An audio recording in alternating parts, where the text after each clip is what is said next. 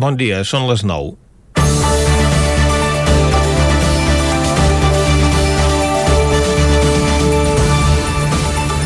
Un nombrós grup d'eurodiputats ha demanat la dimissió del cap de la diplomàcia de la Unió Europea, Josep Borrell, després de qualificar de vergonyant el seu viatge de finals de la setmana passada a Moscou.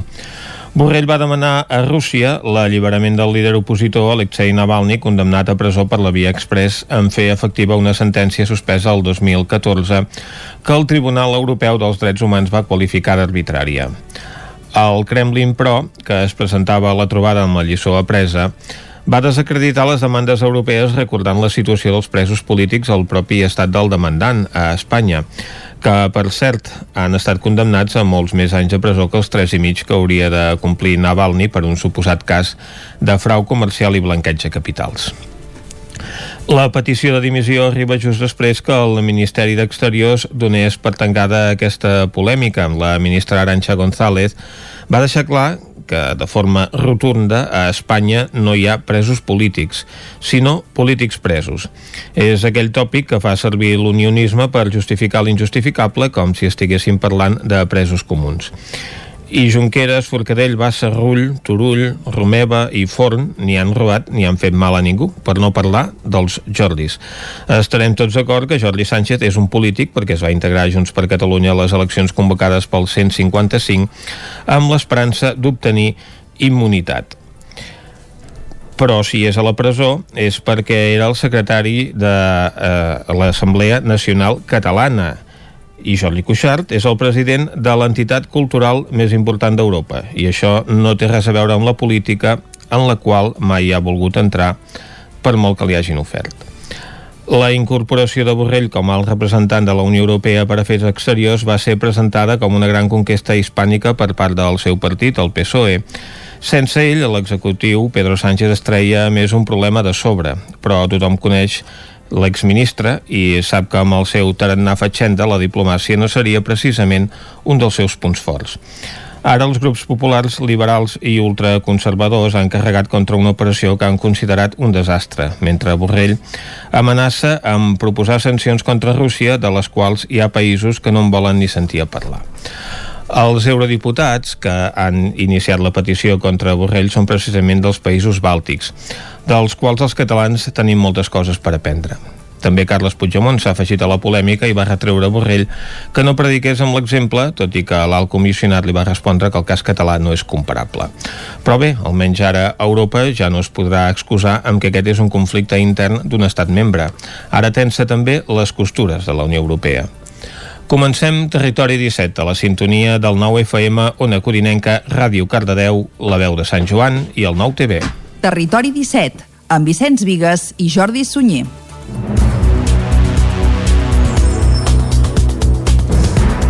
Són les 9 i 3 minuts del dimecres, dia 10 de febrer de 2021. Comença ara mateix un nou Territori 17 que avui, com sempre, durant la primera hora us acostarà tota l'actualitat de les nostres comarques. Després eh, tindrem, com sempre, entrevista avui amb Pere Barrios, candidat a la presidència de PIMEC, que per cert és de Territori 17. També eh, tindrem Territori Sostenible. Cada dimecres el Jordi Givert ens acosta algun detall per fer-nos això, una vida millor avui, atenció, el wasabi de Viladrau. A Viladrau es fabrica o es fa wasabi. I per acabar al punt de les 12 del migdia farem un repàs a l'agenda cultural per aquest cap de setmana marcat ara sí finalment pel confinament comarcal i no pas municipal. Per tant, podrem gaudir de les activitats que es facin a teatres i auditoris de la nostra comarca i no només del nostre municipi. I ara el que toca, però, com sempre, és arrencar tot fent un repàs a l'actualitat de les nostres comarques, les comarques del Ripollès, Osona, el Moianès i el Vallès Oriental.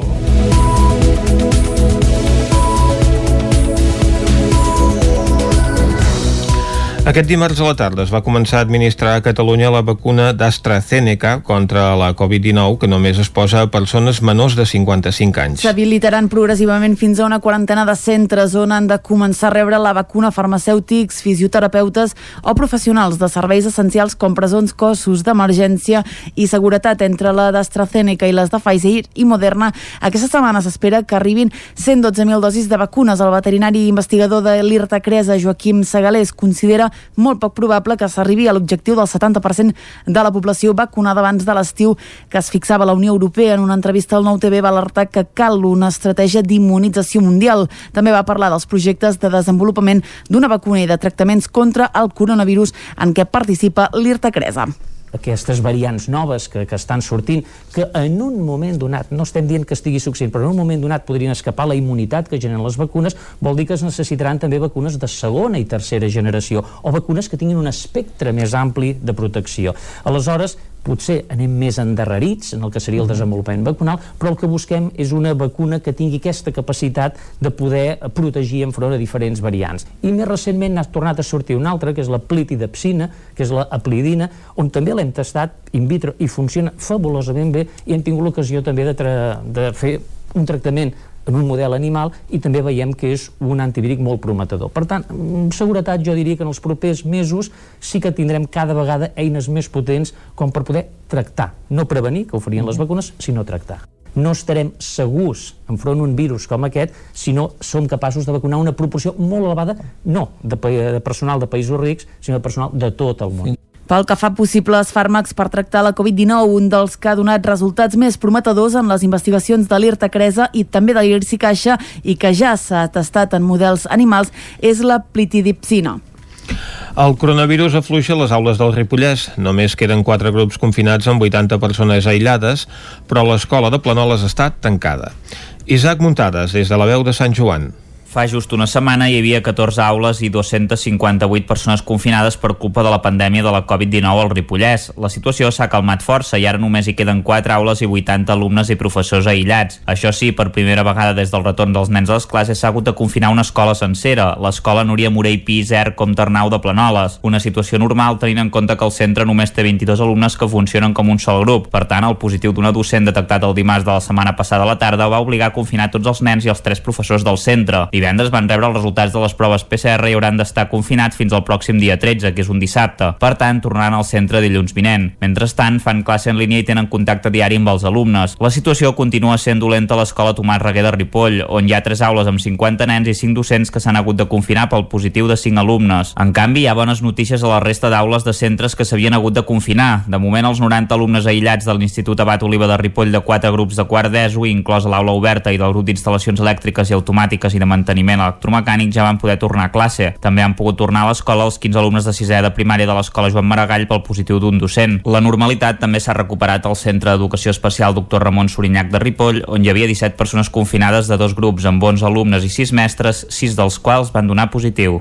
La Generalitat amplia fins als 8.500 euros l'ajuda als comerços tancats durant la tercera onada de la pandèmia. Inicialment el Departament d'Empresa i Coneixement va obrir una línia d'ajudes de 15 milions d'euros, 2.500 euros per negoci pels establiments que van haver de tancar entre el 7 i el 24 de gener, però amb la pròrroga de les restriccions del 24 de gener al 7 de febrer, les subvencions es van ampliar fins als 6.000 euros per establiment. Ara la Generalitat eleva l'ajut fins als 8.500 euros després que el Procicat allargués el tancament de diversos locals comercials fins al 21 de febrer. Per rebre aquest import, els beneficiaris de la línia no hauran de fer cap gestió addicional. Les ajudes van adreçades als establiments comercials de productes no essencials de més de 400 metres quadrats i a les botigues de productes no essencials de centres, galeries i recintes comercials tancats també des del passat 7 de gener per fer front a l'expansió de la Covid-19. El tràmit per sol·licitar l'ajut és telemàtic a través del canal Empresa i finalitza aquest dimecres, dia 10 de febrer, al punt de les dues del migdia. Pastes Gallo s'endú la producció de pasta seca de la seu de Granollers a Còrdoba, oferint el trasllat a 37 treballadors. David Auladell, de Ràdio Televisió, Cardedeu. Pastes Gallo s'endú la producció de pasta seca que es fa a Granollers a la fàbrica que té el municipi cordobès del Carpio, on la companyia va traslladar la seu social el 2017, coincidint amb la consulta independentista de l'1 d'octubre. La direcció es va reunir divendres amb els representants sindicals per comunicar-los la decisió que afectarà la meitat dels 74 empleats que té aquesta línia, als quals se'ls ha ofert anar a treballar a la planta andalusa. Portaveus de la companyia deixen clar que aquest trasllat és fruit d'un procés d'especialització de les quatre fàbriques que té Espanya. La del Carpio, que és la més gran, és on es concentrarà tota la producció de pasta seca. La de Granollers se centrarà en pasta fresca, canelons i lasanya. La d'Esparreguera s'especialitzarà en pasta sense gluten i la de Sant Vicenç dels Horts és on es concentrarà la pasta oriental. Els mateixos portaveus insisteixen que els canvis no afectaran la continuïtat de les tres plantes catalanes. Les dues parts obren ara una taula de negociació a partir del 15 de febrer. Els 37 treballadors afectats tenen fins a l'abril per decidir si volen anar a la planta cordobesa i si rebutgen l'oferta s'estudiarà reubicar-los a les tres plantes del Principat. Si no es posen d'acord, l'actual conveni recull que tenen dret a una indemnització de 30 dies per any treballat, xifra que pot augmentar durant les negociacions. De fet, en els últims mesos hi ha hagut un degoteig de baixes a l'empresa a través de prejubilacions o acomiadaments pactats. Una trentena de persones es van concentrar aquest dimarts davant del jutjat de Vic per demanar la llibertat del raper Pablo Hasél. La convocatòria l'havia fet el CDR de Vic per protestar davant de l'imminent empresonament de Hasél, a qui l'Audiència Nacional va donar 10 dies a partir del dia 28 de gener per presentar-se voluntàriament a la presó. Els concentrats van cridar lemes de suport al raper i van demanar la llibertat dels presos polítics. El músic va ser condemnat per enaltiment del terrorisme i injúries a la corona. Aquestes últimes hores, precisament, ha transcendit que el el govern espanyol vol retocar el Codi Penal perquè els delictes relacionats amb la llibertat d'expressió no es puguin castigar amb penes de presó. Més de 200 artistes, entre els quals Joan Manuel Serrat o Pedro Almodóvar, han firmat un manifest en què demanen que el cantant no sigui empresonat i comparen Espanya amb països com Turquia i el Marroc. El consistori de Vigues i Riells i el casal d'avis al Bon Caliu reten homenatge a les persones de més de 90 anys amb un obsequi. Caral Campàs és d'Ona Codinenca. L'Ajuntament de Vigues i Riells concedeix anualment una subvenció al casal d'avis al Bon Caliu i enguany l'entitat ha decidit destinar l'import de la subvenció a fer un reconeixement per les persones majors de 90 anys. Jaume Vilaragut, president del casal, explica en un vídeo que l'obsequi vol ser un reconeixement al sacrifici i esforç d'aquesta generació. Uh, són una generació que va tenir que viure una guerra civil, una postguerra, un franquisme i han sobreviscut. Una gent que va treballar molt, que no tenien hores, a més treballaven i treballaven, que gràcies a ells vam aixecar el, el país. Catalunya, si és com és, és gràcies a ells. Aquest dilluns el president del casal, Jaume Vilaragut, i la regidora de Serveis Socials, Maite Escobar, van anar casa per casa repartint els obsequis. El regal es tractava d'un rellotge de taula de forma quadrada i de fusta personalitzat amb una placa on s'hi llegia el nom i l'edat de cada persona reconeguda. El monòleg Les coses excepcionals, protagonitzat per Pau Roca, passava aquest diumenge pel Teatre Sirvianum de Torelló. En el monòleg dirigit per Sixto Paz Produccions, Pau Roca fa participar els assistents de la història, la d'un nen que ja adult recorda el dia en què el portaven a l'hospital a veure la seva mare afectada per una profunda depressió i el seu pare li proposava que fes una llista dels motius pels quals valia la pena viure. Una llista que amb el temps no havia parat de créixer i que pren un sentit especial en el context actual amb la pandèmia de Covid-19, explicava el protagonista protagonista, Pau Roca. És una obra que, a part, en temps de pandèmia, ens ha, ens ha cridat molt l'atenció com connecta amb la gent, perquè al final estem parlant de les petites coses excepcionals del dia a dia que potser no acostumem a tenir en compte, no? I ara és aquest moment. Per exemple, n'hi ha una molt, molt òbvia, que és el número 45, eh, jo dic 45 i un espectador diu abraçar-se hi ha molta gent que en aquest moment fa hòstia, no? El text original de les coses excepcionals és de Duncan Macmillan, autor d'obres com Monster People, Places and Things o Pulmons. I fins aquí el butlletí informatiu que us hem ofert amb les veus de Vicenç Vigues, Clàudia Dinarès, David Auladell, Caral Campàs i Isaac Muntades. Ara el que toca, com sempre fem aquí a Territori 17, és fer una ullada a la situació meteorològica.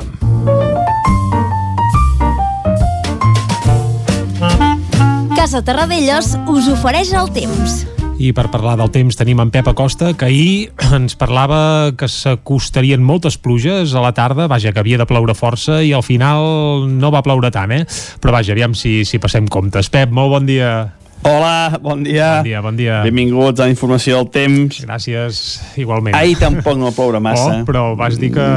No, no, no sé què passa amb aquests fons que venen. No et fan cas. No et fan 11 cas. litres, per exemple, Puig de Zolles, uh Mhm. -huh. va ser l'única població de les comarques que van superar els 10 litres. Uh Mhm. -huh. A totes les altres poblacions, eh, valors molt significants, eh? De, Poca cosa. De 0 a 5 litres. Uh -huh. Però bueno, mm, jo vaig tenir l'esperança que algun front sigui una mica més actiu, però de moment no... no a, a, la que, a la que ens afecta a nosaltres, mm, Afluixen. no sé, no, no es mostren actius. Uh, ja ho dic, eh? ara tenim aquesta, mm, com ho diria, aquesta tendència, sí, aquesta tendència de fronts atlàntics, que aquesta circulació de vents d'oest, de nord de nord-oest, que ens afecta ja fa uns dies i van passant diferents fronts. Està bé perquè fa que les temperatures baixin, eh, plou una mica, però necessitem més pluja, eh, jo crec. Jo crec que fa falta una mica més d'aigua. Però bueno, de moment ens acontentarem amb això. Ahir aquesta mica de pluja, temperatures baixes, màxima de 7 graus, per exemple, a Mollà només, eh, i les temperatures eh, sí que són pròpies de l'època de l'any ara. Aquesta nit també ha glaçat novament, alta muntanya, 2 graus a Puigdesolles negatius, Uh, també ha, ha, ha glaçat uh, cap a Baiter 6-7 sota 0 però cap als jocs interiors no ha glaçat mínimes de menys de 5 graus però poques glaçades cap al peritoral les màximes han passat, les mínimes, perdó, han passat d'aquests 5 graus positius. Mm -hmm. I avui mm, tenim un dia diferent al d'ahir. Diferent. Uh, si ahir va començar amb núvols cada vegada més tapat i al final va ploure una mica, Avui serà el contrari. Ens llevarem amb núvols. Uh, no crec que enlloc plogui, però poder poden caure quatre gotes, molt poca cosa, i de cara a la tarda cada vegada més sol. Farà un bon sol ja de cara a la tarda. No tindrem precipitacions ni molt menys. I el vent, que aquesta nit ha sigut bastant moderat en alguna zona, baixarà d'intensitat i serà molt més feble durant el dia d'avui. Uh, serà un dia molt tranquil, el més tranquil moment de tota la setmana. Les temperatures màximes, totes, gairebé totes, molt homogènies a totes les nostres poblacions, entre els 10 i els 15 graus. Molt normals per l'època de l'any, no hi ha grans fedorades, no hi ha grans calors, per tant, eh, és bo, eh? fa el temps que ha de fer, i això també és, és positiu i ens ha d'agradar a tots. Abans d'acabar, on no està fent el temps que hauria de fer i fa molt més fred, és cap al nord i cap a l'est d'Europa. Aquesta nit hi ha mínimes de 15 sota 0 a Berlín, 20 sota 0 a Tallinn, la capital d'Estònia, 11-12 sota 0 cap a Göteborg, unes temperatures molt, molt baixes en aquesta zona. Hi ha una injecció d'aire fred provinent de, de Sibèria i de, del casquet polar, eh, que és enorme, eh? una, una extensió molt gran i que està provocant unes temperatures baixíssimes. Uh, aquests valors que estic dient, uh, penseu a la capital, eh? Uh, imagineu a pobles del costat o una muntanya pròxima a aquestes zones, uh, quin fred ha de fer, eh? temperatures encara molt més baixes en aquestes zones pròximes a les grans capitals europees. Uh, I aquesta onada de fred es va acabar per dies, eh? Almenys, almenys durarà fins al cap de setmana o inclús una mica més. Si algú, ara no, la gent viatja molt poc, però si sí, algú de viatjar no, cap allà, molta, molta precaució perquè tindrà molt i molt de fred. I això és tot. Uh, moltes gràcies. Demà hi tornarem. Adéu, bon dia. Vinga, Pep, moltes gràcies i suposo, Vicenç i Clàudia, que ningú ha d'anar a Alemanya eh, aquest cap de setmana. No, hem d'anar a votar. A votar, Aquest cap de setmana. Per tant, si fa fred ens haurem d'abrigar més del compte. I no ho farem a l'ambaixada d'Alemanya, sinó en tot cas cadascú al seu col·legi electoral que devem tenir a prop de casa. O no, perquè com que no té per què ser el mateix de sempre, ja que mm. molts ajuntaments doncs, han canviat els llocs de votació, doncs potser s'haurà d'anar una mica més lluny. Ja Bé, però no te l'haurem pas amagat no. fora del fora del terme segur que no. Clar, segur que no. Uh, per cert, en Pep, que ahir porta un parell de dies que costa eh, afinar les prediccions, ja m'imagino amb aquests fronts atlàntics, però ens augurava molta, bueno, molta força pluja i la veritat és que ha passat bastant sense pena ni glòria, i el de glòria mai tan ben dit, no l'enyorem pas un glòria, però vaja, em refereixo que, que la pluja que ens havia pronosticat ahir doncs s'ha quedat, quedat pel camí. Però vaja, uh, fet aquest apunt meteorològic, ara el que toca és fer una breu pausa i anar cap al quiosc. Em sembla que avui ens hi trobarem uh, detalls del debat que hi va haver, debat electoral ahir a la Televisió Nacional de Catalunya. Ho descobrim de seguida aquí a Territori 17. Casa Tarradellas us ha ofert aquest espai. Territori 17. Envia'ns les teves notes de veu per WhatsApp al 646 079 023. 646 079 023. WhatsApp Territori 17.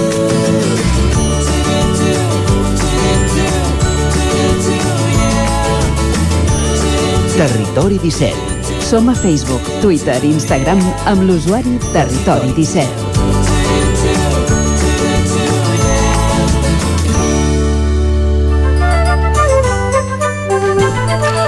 Arriba l'hora d'anar al quiosc i de fer un repàs a les notícies que treuen en portada als diaris d'avui. Clàudia. Comencem amb el punt avui que diu a correcuit el govern espanyol promet en plena campanya despenalitzar els delictes d'opinió. La imatge debat a nou bandes a TV3 i entrevista a Salvador Illa que diu que no es pronunciarà sobre l'indult fins que es tramiti. Anem al diari Ara que diu el personal educatiu serà vacunat en els pròxims 3 mesos. La mesura afecta les més de 150.000 persones que treballen a les escoles i als instituts.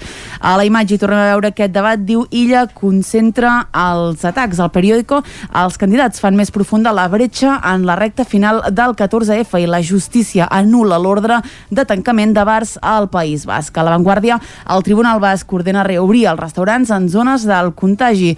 A la imatge, la Junta Electoral prohibeix els talls de la Meridiana i Borrell defensa el viatge a Rússia davant les crítiques de l'Eurocambra. Anem a veure què treuen en portada els diaris editats a Madrid. El país diu Podem demana despenalitzar l'enaltiment del terrorisme. La imatge al Senat dels Estats Units inicia el judici polític a Trump i la vacuna d'AstraZeneca per treballadors essencials. Anem al Mundo, que diu Iglesias és una caricatura que no mesura ni el seu propi personatge Montero i Planes van ser a la reunió investigada per la corrupció de Isofotón. La la, els ministres eleven la pressió a Sánchez amb Iglesias, diuen que és intolerable i el PP sospita que quatre exalts càrrecs tenen comptes a Suïssa. Acabem amb l'ABC que diu eh, que el rei defensa el lliurament dels premis de l'Associació de la Premsa de Madrid, l'exercici del periodisme en llibertat i la trama d'ajudes de Isofotón senyala a tres ministres. Doncs a les portades dels diaris d'avui veiem imatges, com comentàvem, del debat ahir que es va produir a la televisió de Catalunya amb la presència dels nou candidats a la presidència de la Generalitat, un debat a nou, una cosa que no s'havia doncs, produït mai, però hi ha aquesta excepcionalitat en aquesta ocasió que la Junta Electoral ha considerat que, a part de les formacions amb representació al Parlament, doncs també són rellevants rellevants tant Vox com Junts per Catalunya, per tant també eh, per, podien participar d'aquest debat, la imatge doncs amb els nou cap de llista i el moderador del debat és la que ocupa les portades del Punt Avui i del diari Ara. Veiem també imatges repetides a les portades del periòdico i de la Razón. És la imatge de la protesta del sector de l'hostaleria trencant plats davant de les portes del Ministeri d'Hisenda a Madrid. A l'avantguàrdia apareix una imatge dels Mossos a la Meridiana arran doncs, d'aquest decret de la Junta Electoral que prohibeix els talls a la Meridiana que es produeixen cada vespre des de la sentència del procés a la confluència amb Fabra i Puig, una acció reivindicativa que no ha fallat cap dia des de fa doncs, més de dos anys o pràcticament dos anys i també veiem doncs, a la portada del país una imatge del Senat dels Estats Units en aquest inici de l'impeachment contra Donald Trump i també un tema repetit que veiem a les portades de l'ABC i del Mundo són imatges del mateix acte. Es tracta del lliurament del Premi al millor periodista de l'any per part de l'Associació de la Premsa de Madrid. Es tracta de Carlos Alzina. Apareix eh, imatge de portada de l'ABC amb el rei lliurant-li el premi i amb aquesta cita, sense llibertat d'expressió i d'informació no hi ha democràcia i també veiem doncs, imatges d'aquest mateix acte a la portada del Mundo, en aquest cas doncs, és un posat on hi ha, a part dels Reis i el president doncs, a l'Associació de la Premsa de Madrid, el ministre Miquel Iceta, l'alcalde de Madrid i la presidenta de la Comunitat de Madrid en aquesta foto de la portada de El Mundo. També els diaris editats a Madrid doncs, es fixen eh, amb aquest cas de l'empresa Isofoton, aquesta empresa energètica de Màlaga que hauria rebut ajudes il·legals per part de la Junta d'Andalusia quan governava el PSOE i que en aquesta trama doncs, semblaria que tres ministres de l'actual govern estarien assenyalats entre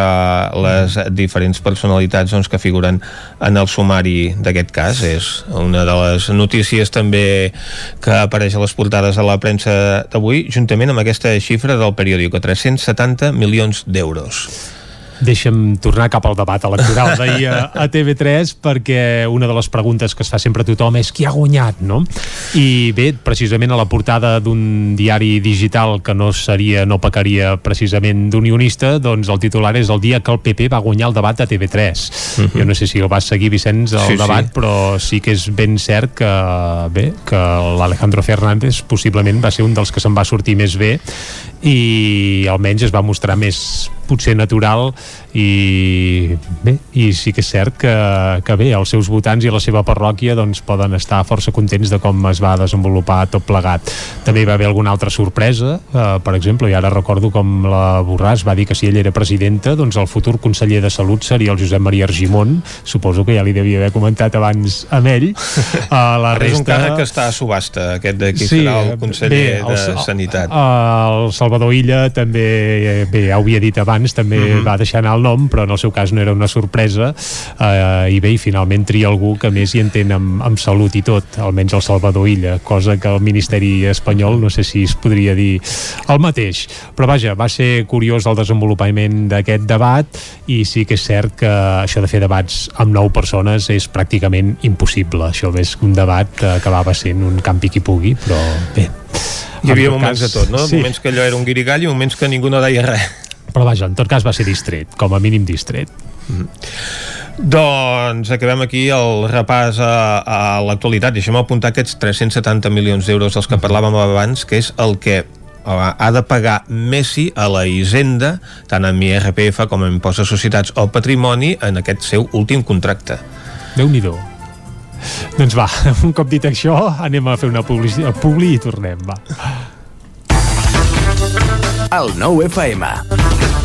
La ràdio de casa al 92.8. Estudi fotogràfic. Nosaltres et lloguem el plató amb tot tipus de decorats i tu fas les fotos per només 18 euros l'hora. Per comunions, aniversaris, bucs, embarassades, nounats, suport rotatiu per fer vídeos de TikTok i molt més. Per Sant Valentí regala un val per només 18 euros i tindràs un bon record fotogràfic. Ens trobaràs al carrer de Sant Tomàs 4 de Call d'Atenes al telèfon 640 56 0310 i també a Instagram i a Facebook. A Vic, T52, un taller d'emocions. Una celebració, un reconeixement, un record, la victòria, el premi. Tenim una solució personalitzada per a cada ocasió. Ens trobaràs al centre, al carrer 941 i també a l'Horta Vermella, al carrer Menéndez Pelayo 31. Més informació a t52.cat. Cocodril Club. Si t'agrada la bona música dels anys 60, 70 i 80, escolta el 9 FM els matins de dissabtes i diumenges d'11 a 1.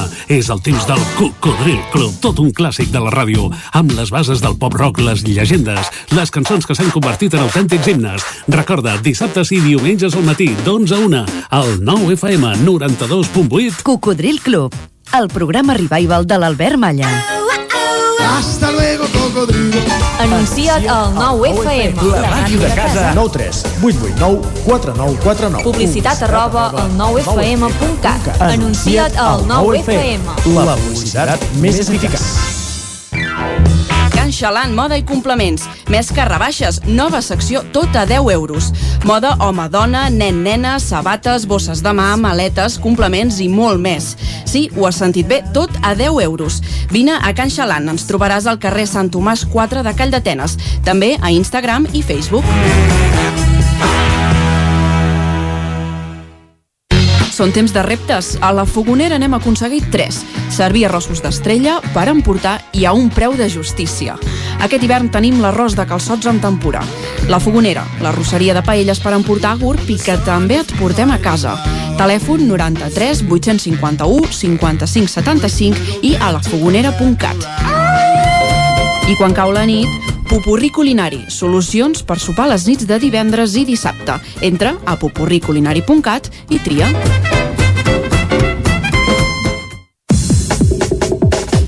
La ràdio de casa al 92.8. El 9 FM.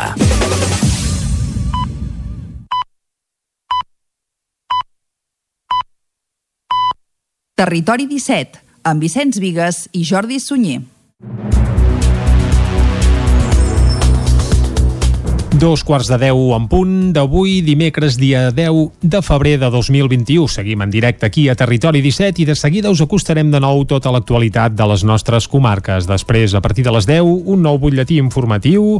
Avui entrevista amb Pere Barrios, candidat a la presidència de PIMEC. Per cert, el Pere Barrios, que és de Territori 17, és de casa nostra. Uh, I també què farem? Doncs com que és dimecres, passarem pel Lletra Ferits, parlant de literatura, avui concretament del llibre Cuento de una mente enferma, coescrit pel Miquel Segalés i el Pol Escolar. Des d'una codinenca, la Caral Campàs conversarà amb els seus dos autors. També anirem al territori sostenible per conèixer on es fa wasabi també a Territori 17. Ja us avisem que és a Viladrau, per tant, això ja ho desvetllem ara mateix. I com que és dimecres, acabarem fent un repàs a l'agenda cultural per aquest cap de setmana, on a part d'anar a votar, també podem fer d'altres coses, com anar al teatre eh, o auditoris, això sí, de la nostra comarca. Això ho repassarem a la part final d'un programa que ara segueix tot acostant-vos de nou l'actualitat de les nostres comarques, les comarques del Ripollès, Osona, el Moianès i el Vallès Oriental.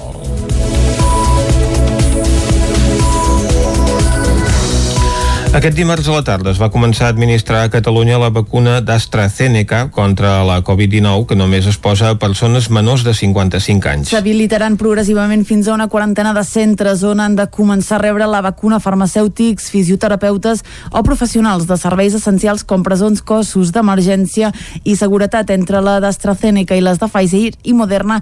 Aquesta setmana s'espera que arribin 112.000 dosis de vacunes. El veterinari investigador de l'IRTA Cresa, Joaquim Segalés, considera molt poc probable que s'arribi a l'objectiu del 70% de la població vacunada abans de l'estiu que es fixava la Unió Europea. En una entrevista al Nou TV va alertar que cal una estratègia d'immunització mundial. També va parlar dels projectes de desenvolupament d'una vacuna i de tractaments contra el coronavirus en què participa l'IRTA Cresa aquestes variants noves que, que estan sortint, que en un moment donat, no estem dient que estigui succeint, però en un moment donat podrien escapar la immunitat que generen les vacunes, vol dir que es necessitaran també vacunes de segona i tercera generació, o vacunes que tinguin un espectre més ampli de protecció. Aleshores, potser anem més endarrerits en el que seria el desenvolupament vacunal, però el que busquem és una vacuna que tingui aquesta capacitat de poder protegir enfront a diferents variants. I més recentment n'ha tornat a sortir una altra, que és la plitidepsina, que és la aplidina, on també l'hem tastat in vitro i funciona fabulosament bé i hem tingut l'ocasió també de, de fer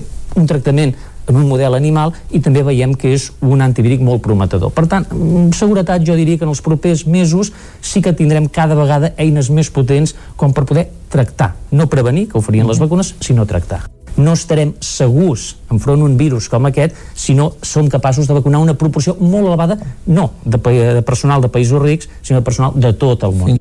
Pel que fa possibles fàrmacs per tractar la Covid-19, un dels que ha donat resultats més prometedors en les investigacions de l'IRTA Cresa i també de l'IRSI Caixa i que ja s'ha testat en models animals és la plitidipsina. El coronavirus afluixa les aules del Ripollès. Només queden quatre grups confinats amb 80 persones aïllades, però l'escola de Planoles està tancada. Isaac Muntades, des de la veu de Sant Joan. Fa just una setmana hi havia 14 aules i 258 persones confinades per culpa de la pandèmia de la Covid-19 al Ripollès. La situació s'ha calmat força i ara només hi queden 4 aules i 80 alumnes i professors aïllats. Això sí, per primera vegada des del retorn dels nens a les classes s'ha hagut de confinar una escola sencera, l'escola Núria Morell Piser com Ternau de Planoles. Una situació normal tenint en compte que el centre només té 22 alumnes que funcionen com un sol grup. Per tant, el positiu d'una docent detectat el dimarts de la setmana passada a la tarda va obligar a confinar tots els nens i els tres professors del centre Divendres van rebre els resultats de les proves PCR i hauran d'estar confinats fins al pròxim dia 13, que és un dissabte. Per tant, tornaran al centre dilluns vinent. Mentrestant, fan classe en línia i tenen contacte diari amb els alumnes. La situació continua sent dolenta a l'escola Tomàs Reguer de Ripoll, on hi ha tres aules amb 50 nens i 5 docents que s'han hagut de confinar pel positiu de 5 alumnes. En canvi, hi ha bones notícies a la resta d'aules de centres que s'havien hagut de confinar. De moment, els 90 alumnes aïllats de l'Institut Abat Oliva de Ripoll de quatre grups de quart d'ESO, inclòs l'aula oberta i del grup d'instal·lacions elèctriques i automàtiques i de electromecànic, ja van poder tornar a classe. També han pogut tornar a l'escola els 15 alumnes de sisè de primària de l'escola Joan Maragall pel positiu d'un docent. La normalitat també s'ha recuperat al Centre d'Educació Especial Dr. Ramon Sorinyac de Ripoll, on hi havia 17 persones confinades de dos grups amb 11 alumnes i 6 mestres, 6 dels quals van donar positiu. La Generalitat amplia fins als 8.500 euros l'ajuda als comerços tancats durant la tercera onada de la pandèmia. Inicialment el Departament d'Empresa i Coneixement va obrir una línia d'ajudes de 15 milions d'euros, 2.500 euros per negoci pels establiments que van haver de tancar entre el 7 i el 24 de gener, però amb la pròrroga de les restriccions del 24 de gener al 7 de febrer, les subvencions es van ampliar fins als 6.000 euros per establiment. Ara la Generalitat eleva l'ajut fins als 8.500 euros després que el Procicat allargués el tancament de diversos locals comercials fins al 21 de febrer. Per rebre aquest import, els beneficiaris de la línia no hauran de fer cap gestió addicional.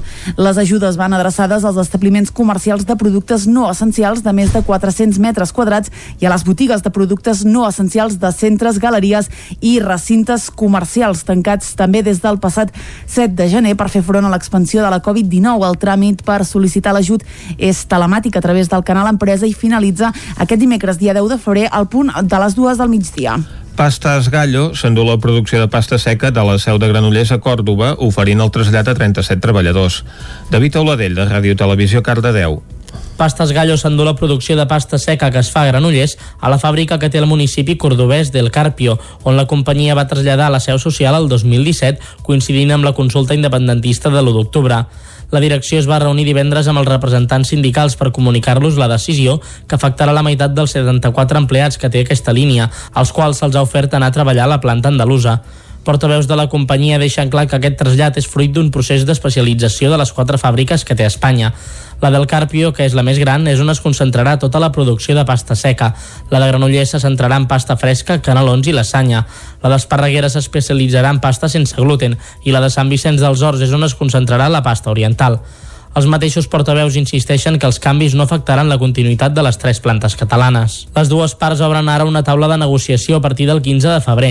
Els 37 treballadors afectats tenen fins a l'abril per decidir si volen anar a la planta cordobesa i si rebutgen l'oferta s'estudiarà reubicar-los a les tres plantes del Principat.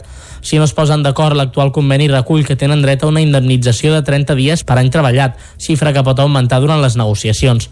De fet, en els últims mesos hi ha hagut un degoteig de baixes a l'empresa a través de prejubilacions o acomiadaments pactats. Una trentena de persones es van concentrar aquest dimarts davant del jutjat de Vic per demanar la llibertat del raper Pablo Hasél. La convocatòria l'havia fet el CDR de Vic per protestar davant de l'imminent empresonament de Hasél, a qui l'Audiència Nacional va donar 10 dies a partir del dia 28 de gener per presentar-se voluntàriament a la presó. Els concentrats van cridar lemes de suport al raper i van demanar la llibertat dels presos polítics. El músic va ser condemnat per enaltiment del terrorisme i injúries a la corona. Aquestes últimes hores, precisament, ha transcendit que el govern espanyol vol retocar el Codi Penal perquè els delictes relacionats amb la llibertat d'expressió no es puguin castigar amb penes de presó. Més de 200 artistes, entre els quals Joan Manuel Serrat o Pedro Almodóvar, han firmat un manifest en què demanen que el cantant no sigui empresonat i comparen Espanya amb països com Turquia i el Marroc. El consistori de Vigues i Riells i el casal d'avis al Bon Caliu reten homenatge a les persones de més de 90 anys amb un obsequi. Caral Campàs és dona codinenca. L'Ajuntament de Vigues i Riells concedeix anualment una subvenció al casal d'avis al Bon Caliu i enguany l'entitat ha decidit destinar l'import de la subvenció a fer un reconeixement per les persones majors de 90 anys.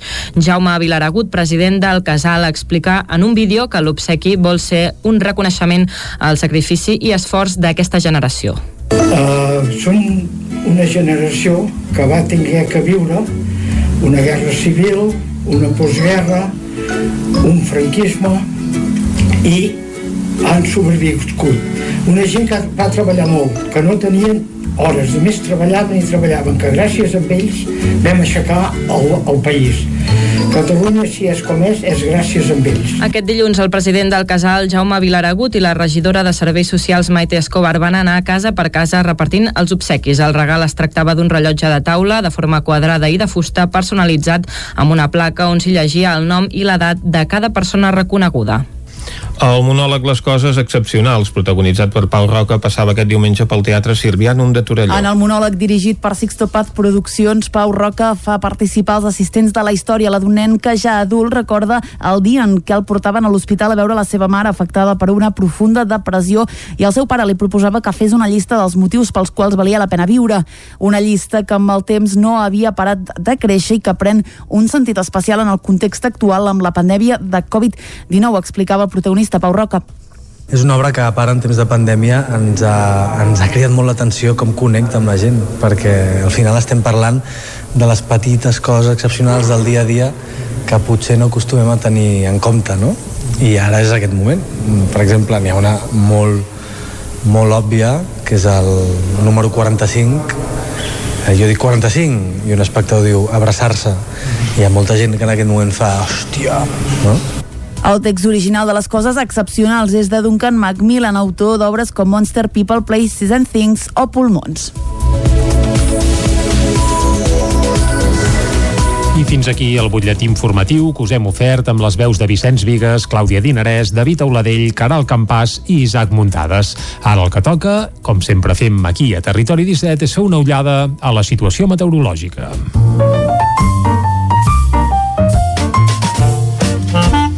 Casa Terradellos us ofereix el temps. I per parlar del temps tenim en Pep Acosta, que ahir ens parlava que s'acostarien moltes pluges a la tarda, vaja, que havia de ploure força i al final no va ploure tant, eh? Però vaja, aviam si, si passem comptes. Pep, molt bon dia. Hola, bon dia. Bon dia, bon dia. Benvinguts a la informació del temps. Gràcies, igualment. Ahir tampoc no va ploure massa. Oh, però vas dir que... No, no, no sé què passa amb aquests fronts que venen. No et fan cas, no et fan 11 cas. litres, per exemple, Puigdesolles, uh Mhm. -huh. va ser l'única població de les dues comarques que van superar els 10 litres. Uh Mhm. -huh. A totes les altres poblacions, eh, valors molt insignificants, eh? De, Poca cosa. De 0 a 5 litres. Uh -huh. Però bueno, mm, jo vaig tenir l'esperança que algun front sigui una mica més actiu, però de moment no... no a, a, la que, a la que ens afecta a nosaltres mm, Afluixen. no sé, no, no es mostren actius uh, ja ho dic, eh? ara tenim aquesta mm, com ho diria, aquesta tendència sí, aquesta tendència de fronts atlàntics que aquesta circulació de vents d'oest, de nord de nord-oest que ens afecta ja fa uns dies i van passant diferents fronts està bé perquè fa que les temperatures baixin, eh, plou una mica, però necessitem més pluja, eh, jo crec. Jo crec que fa falta una mica més d'aigua. Però bueno, de moment ens acontentarem amb això. Ahir aquesta mica de pluja, temperatures baixes, màxima de 7 graus, per exemple, a Mollà només, eh, i les temperatures eh, sí que són pròpies de l'època de l'any ara. Aquesta nit també ha glaçat novament, alta muntanya, 2 graus a Puigdesolles negatius, eh, també ha, ha, ha glaçat eh, cap a Baiter, 6-7 sota 0, però cap als jocs interiors no ha glaçat, mínimes de menys de 5 graus, però poques glaçades. Cap al peritoral, les màximes han passat, les mínimes, perdó, han passat aquests 5 graus positius. I avui mm, tenim un dia diferent al d'ahir. Diferent. Uh, si ahir va començar amb núvols cada vegada més tapat i al final va ploure una mica, avui serà el contrari. Ens llevarem amb núvols, uh, no crec que enlloc plogui, però poder poden caure quatre gotes, molt poca cosa, i de cara a la tarda cada vegada més sol. Farà un bon sol ja de cara a la tarda. No tindrem precipitacions ni molt menys. I el vent, que aquesta nit ha sigut bastant moderat en alguna zona, eh, baixarà d'intensitat i serà molt més feble durant el dia d'avui. Uh, serà un dia molt tranquil, el més tranquil moment de tota la setmana. Les temperatures màximes, totes, gairebé totes, molt homogènies a totes les nostres poblacions, entre els 10 i els 15 graus. Molt normals per l'època de l'any, no hi ha grans fedorades, no hi ha grans calors, per tant, eh, és bo, eh? fa el temps que ha de fer, i això també és, és positiu i ens ha d'agradar a tots. Abans d'acabar, on no està fent el temps que hauria de fer i fa molt més fred és cap al nord i cap a l'est d'Europa. Aquesta nit hi ha hagut mínimes de 15 sota 0 a Berlín, 20 sota 0 a Tallinn, la capital d'Estònia, 11-12 sota 0 cap a Göteborg, unes temperatures molt, molt baixes en aquesta zona. Hi ha una injecció d'aire fred provinent de, de Sibèria i de, del casquet polar, eh, que és enorme, eh? una, una extensió molt gran i que està provocant unes temperatures baixíssimes. Uh, aquests valors que estic dient, uh, penseu a la capital, eh? Uh, imagineu a pobles del costat o una muntanya pròxima a aquestes zones, uh, quin fred ha de fer, eh? temperatures encara molt més baixes en aquestes zones pròximes a les grans capitals europees. Uh, I aquesta onada de fred es veu que va per dies, eh? Almenys, almenys durarà fins al cap de setmana o inclús una mica més. Segur, ara no, la gent viatja molt poc, però si algú de viatjar no, cap allà, molta, molta precaució perquè tindrà molt i molt de fred. I això és tot. Uh, moltes gràcies. Demà hi tornarem. Adéu, bon dia. Vinga, Pep, moltes gràcies i suposo, Vicenç i Clàudia, que ningú ha d'anar a Alemanya, eh, aquest cap de setmana. No, hem d'anar a votar. A votar, Aquest cap de exacte. setmana. Per tant, si fa fred ens haurem d'abrigar més del compte. I no ho farem a l'ambaixada d'Alemanya, sinó en tot cas cadascú al seu col·legi electoral que devem tenir a prop de casa. O no, perquè com que no té per què ser el mateix de sempre, ja que molts ajuntaments doncs, han canviat els llocs de votació, doncs potser s'haurà d'anar una mica més lluny. Ja ho Bé, sabrem. però no te l'haurem pas amagat no. fora del Fora del municipi. terme segur que no. Clar, segur que no. Uh, per cert, en Pep, que ahir porta un parell de dies que costa eh, afinar les prediccions, ja m'imagino amb aquests fronts atlàntics, però ens augurava molta, bueno, molta força pluja i la veritat és que ha passat bastant sense pena ni glòria i el de glòria mai tan ben dit, no l'enyorem pas un glòria, però vaja, em refereixo que, que la pluja que ens havia pronosticat ahir doncs s'ha quedat, quedat pel camí.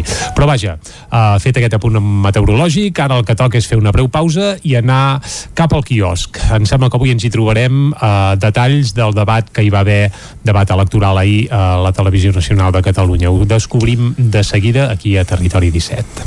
Casa Tarradellas us ha ofert aquest espai. Territori 17. Envia'ns les teves notes de veu per WhatsApp al 646 079 023. 646 079 023. WhatsApp Territori 17.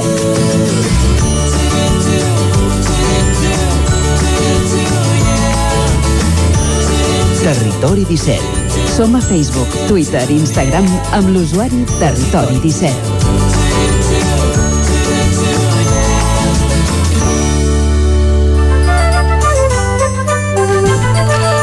Arriba l'hora d'anar al quiosc i de fer un repàs a les notícies que treuen en portada als diaris d'avui. Clàudia. Comencem amb el punt avui que diu a correcuit el govern espanyol promet en plena campanya despenalitzar els delictes d'opinió. La imatge debat a nou bandes a TV3 i entrevista a Salvador Illa que diu que no es pronunciarà sobre l'indult fins que es tramiti. Anem al diari ara que diu el personal educatiu serà vacunat en els pròxims 3 mesos. La mesura afecta les més de 150.000 persones que treballen a les escoles i als instituts. A la imatge hi tornem a veure aquest debat. Diu Illa concentra els atacs. Al periòdico els candidats fan més profunda la bretxa en la recta final del 14F i la justícia anula l'ordre de tancament de bars al País Basc. A l'avantguàrdia, el Tribunal Basc ordena reobrir els restaurants en zones del contagi. A la imatge, la Junta Electoral prohibeix els talls de la Meridiana i Borrell defensa el viatge a Rússia davant les crítiques de l'Eurocambra. Anem a veure què treuen en portada els diaris editats a Madrid. El país diu Podem demana despenalitzar l'enaltiment del terrorisme. La imatge al Senat dels Estats Units inicia el judici polític a Trump i la vacuna d'AstraZeneca per treballadors essencials. Anem al Mundo, que diu Iglesias és una caricatura que no mesura ni el seu propi personatge Montero i Planes van ser a la reunió investigada per la corrupció de Isofotón.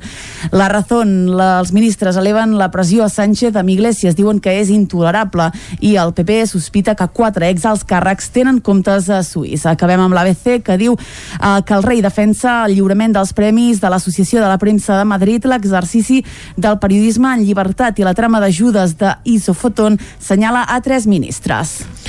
Doncs a les portades dels diaris d'avui. Veiem imatges, com comentàvem, del debat ahir que es va produir a la televisió de Catalunya amb la presència dels nou candidats a la presidència de la Generalitat, un debat a nou, una cosa que no s'havia doncs, produït mai, però hi ha aquesta excepcionalitat en aquesta ocasió que la Junta Electoral ha considerat que, a part de les formacions amb representació al Parlament, doncs també són rellevants tant Vox com Junts per Catalunya, per tant també eh, per, podien participar d'aquest debat, la imatge doncs amb els nou caps de llista i el moderador del debat és la que ocupa les portades del Punt Avui i del diari Ara. Veiem també imatges repetides a les portades del periòdico i de La Razón, és la imatge de la protesta del sector de l'hostaleria trencant plats davant de les portes del Ministeri d'Hisenda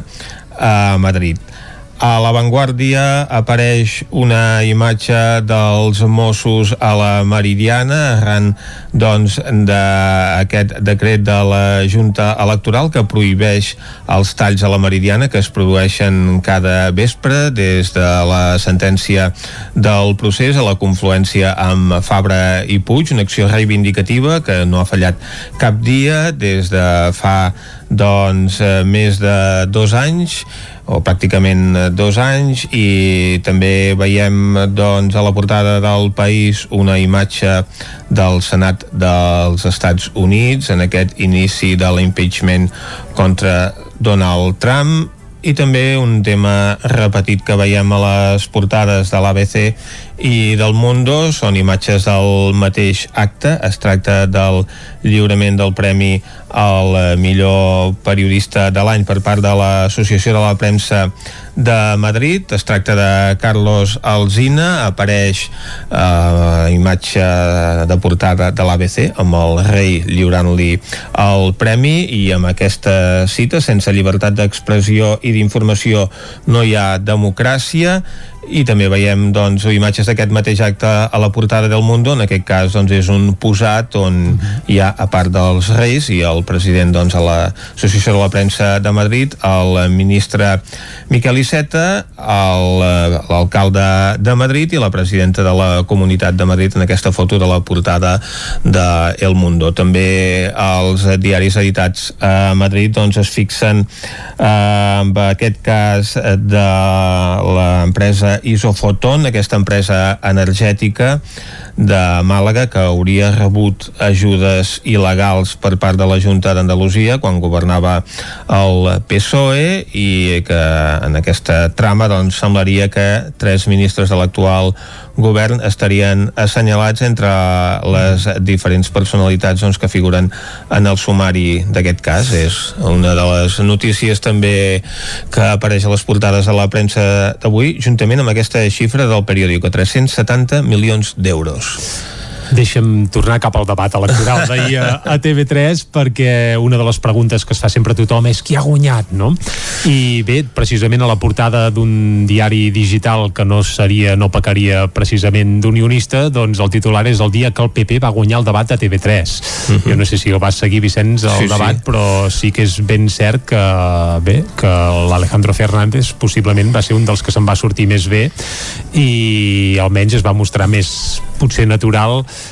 i bé, i sí que és cert que, que bé, els seus votants i la seva parròquia doncs poden estar força contents de com es va desenvolupar tot plegat.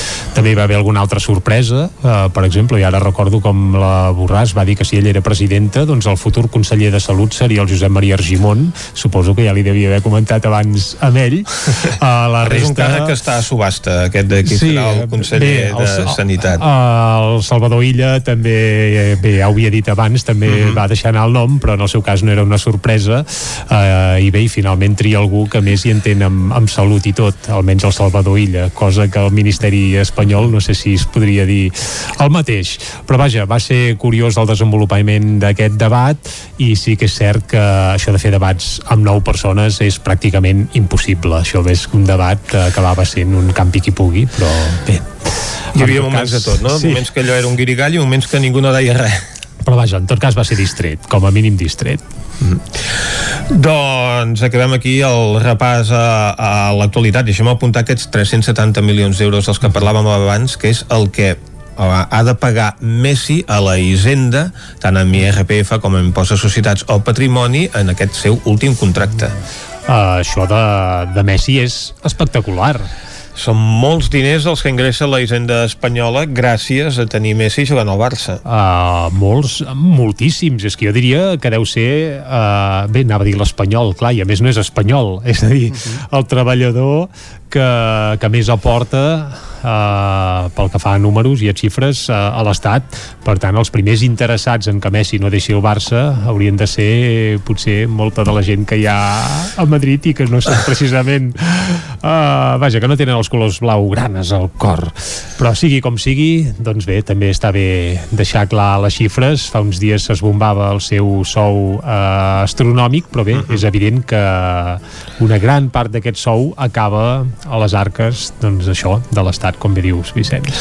Exactament, és el principal contribuint entre els treballadors de l'estat espanyol i bé, segurament doncs, que n'hi haurà que preferirien que no aportés aquesta xifra a l'erari públic i que no jugués al Barça això segur. Però bé, nosaltres preferim que jugui al Barça, que continuï portant uh, calerons a l'erari públic i tant de bo sigui per uns quants anys més, perquè veient-lo aquests últims dies, uh, escolta, qualsevol ho diria que, que està de capa caiguda, perquè la veritat és que, bé, no sé si vas veure el darrer partit aquest cap de setmana al camp mm -hmm. del Betis, però quan va sortir ell, en mig partit ho va arreglar tot. En un moment, exacte, va revolucionar el partit, sí senyor. Va, però ara no arriba el moment de fer tertúlia esportiva ni de parlar de Messi, sinó de parlar de música cada dia fins a arribar al punt de les 10, us acostem a alguna novetat, alguna curiositat, i avui tenim una estrena d'aquelles mundials, eh? això ens agrada de tant ah, en tant fer-ho. Doncs sí senyor. I va, farem un concurs d'aquells minis per la gent que ens escolta des de casa, aviam si endevineu de quin artista és la cançó que escoltarem. Va, la primera pista és que evidentment és de Territori 17, sempre procurem que sigui d'aquí, la segona és que és d'Osona, i la tercera és que té un cognom eh, molt musical i bé, i a més és d'una nissaga on a casa seva pff, és que tothom ve sa música per tot arreu el cognom musical... No, no se m'acut, eh? El cognom musical té a veure amb un ofici eh, on abans es serrava molt, eh, ara ho fan totes les màquines. Uh, molt bé. bé. Podríem dir que Joan Manel Serrat, que té casa ah. a Camprodon, doncs eh, també seria del territori 17. Doncs bé, uh, Joan Manel Serrat uh, no serà el que escoltarem ara, per cert, que va filmar, uh, va, ha firmat, vaja, aquell famós manifest per, uh, perquè el Pablo Hassel no acabi a la presó, un manifest que es va fer públic també, també ahir. Uh, dit això, va, el cognom és Serrat i la Nissaga Serrat, doncs hi ha, qui hi ha? La Joana Serrat, el, hi ha el Toni Serrat, el Toni Serrat. I la Carla. I la Carla, doncs va, la cançó que escoltarem precisament és de la Carla Serrat. Uh, la Carla que bé, la, no es dedica a l'americana ni al folk com la seva germana, sinó que es dedica bàsicament al pop, ella n'hi diu synth pop, perquè és un pop així de sintetitzadors molt atmosfèric i uh, amb un aire bé, molt diferent però alhora molt atraient. I cal dir que aquest any de cara segurament a l'estiu-tardor publicarà un nou EP uh -huh. i ahir en va donar a conèixer el primer single d'aquest EP, un single que anirà acompanyat d'un videoclip fantàstic, que per cert el videoclip s'estrenarà la setmana que ve, i la cançó es diu All I Want Is Here, tot el que vull és aquí. I si et sembla, fins a arribar al punt de les 10, doncs ens quedarem amb aquest All I Want Is Here, tot el que vull és aquí, de la Carla. Doncs escoltem a la Carla fins a les 10. Doncs vinga, Carla fins a les 10, recordant que aquesta cançó formarà part d'un EP que sortirà segurament a finals d'estiu, principis de tardor. Us deixem amb la Carla, tornem a les 10 aquí a Territori 17.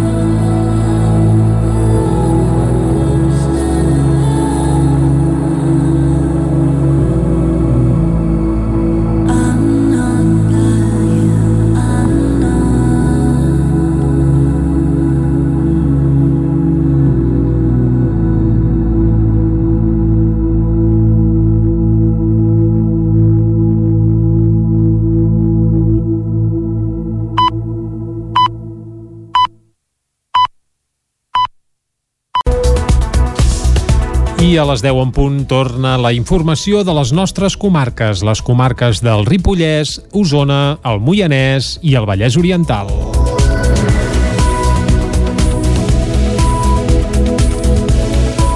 Ahir va perdre la vida una dona en un xoc frontal a la carretera C35 entre Llinars i Cardedeu, amb tres vehicles implicats.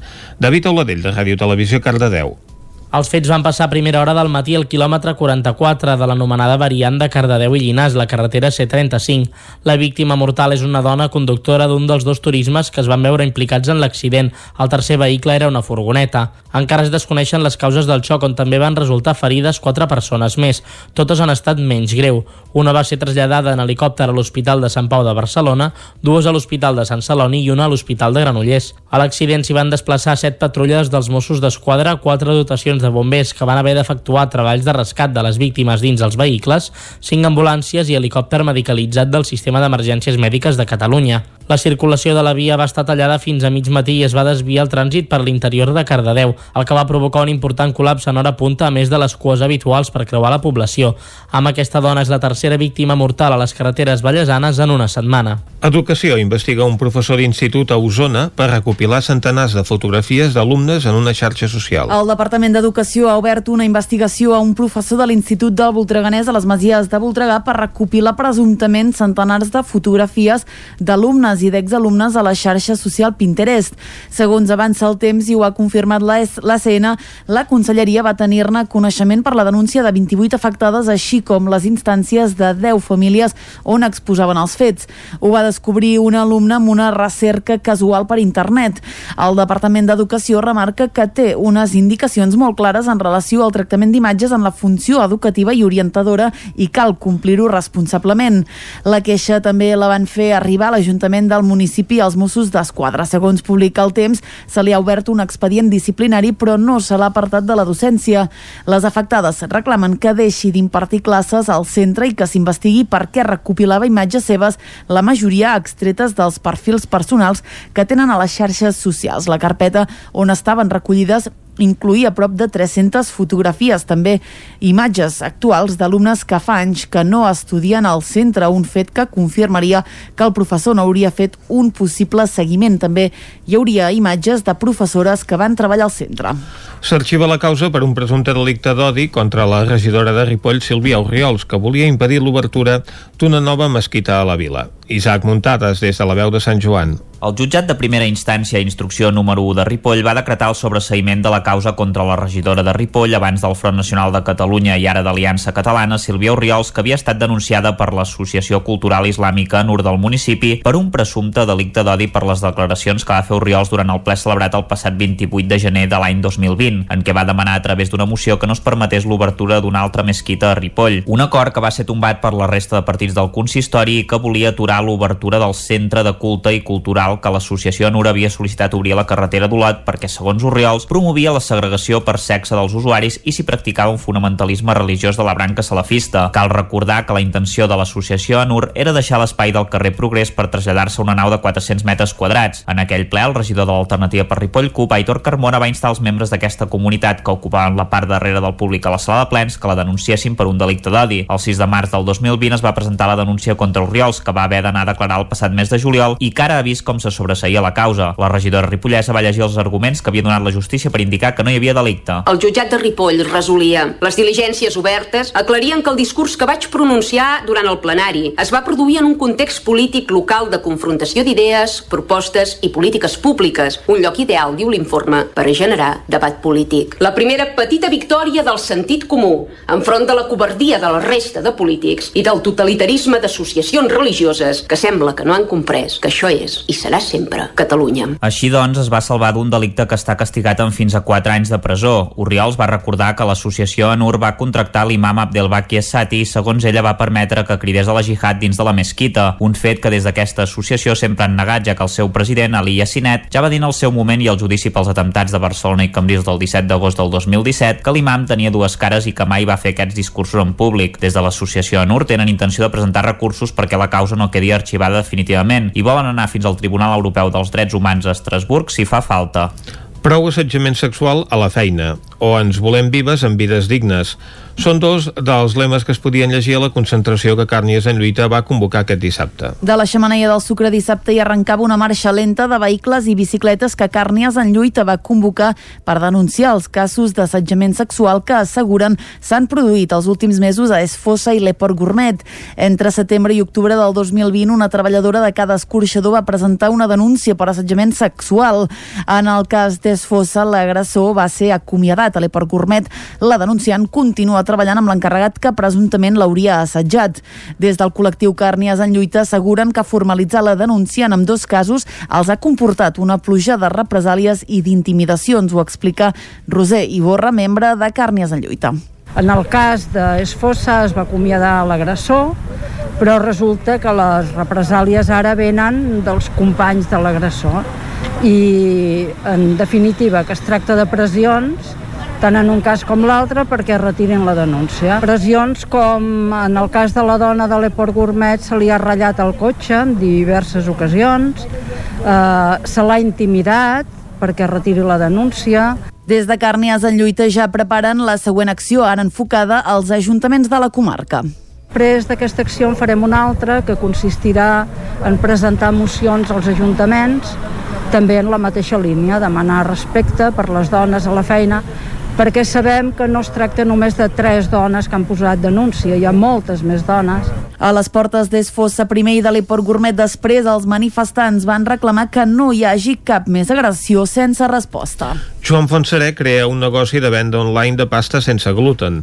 L'exdirector del Circuit de Catalunya ha engegat aquesta iniciativa empresarial a Sant Feliu de Codines. Caral Campàs, des d'Ona Codinenca. L'empresa Coil Liaco ha donat les primeres passes aquesta setmana amb la sortida al mercat de les primeres comandes de pasta i salsa sense gluten.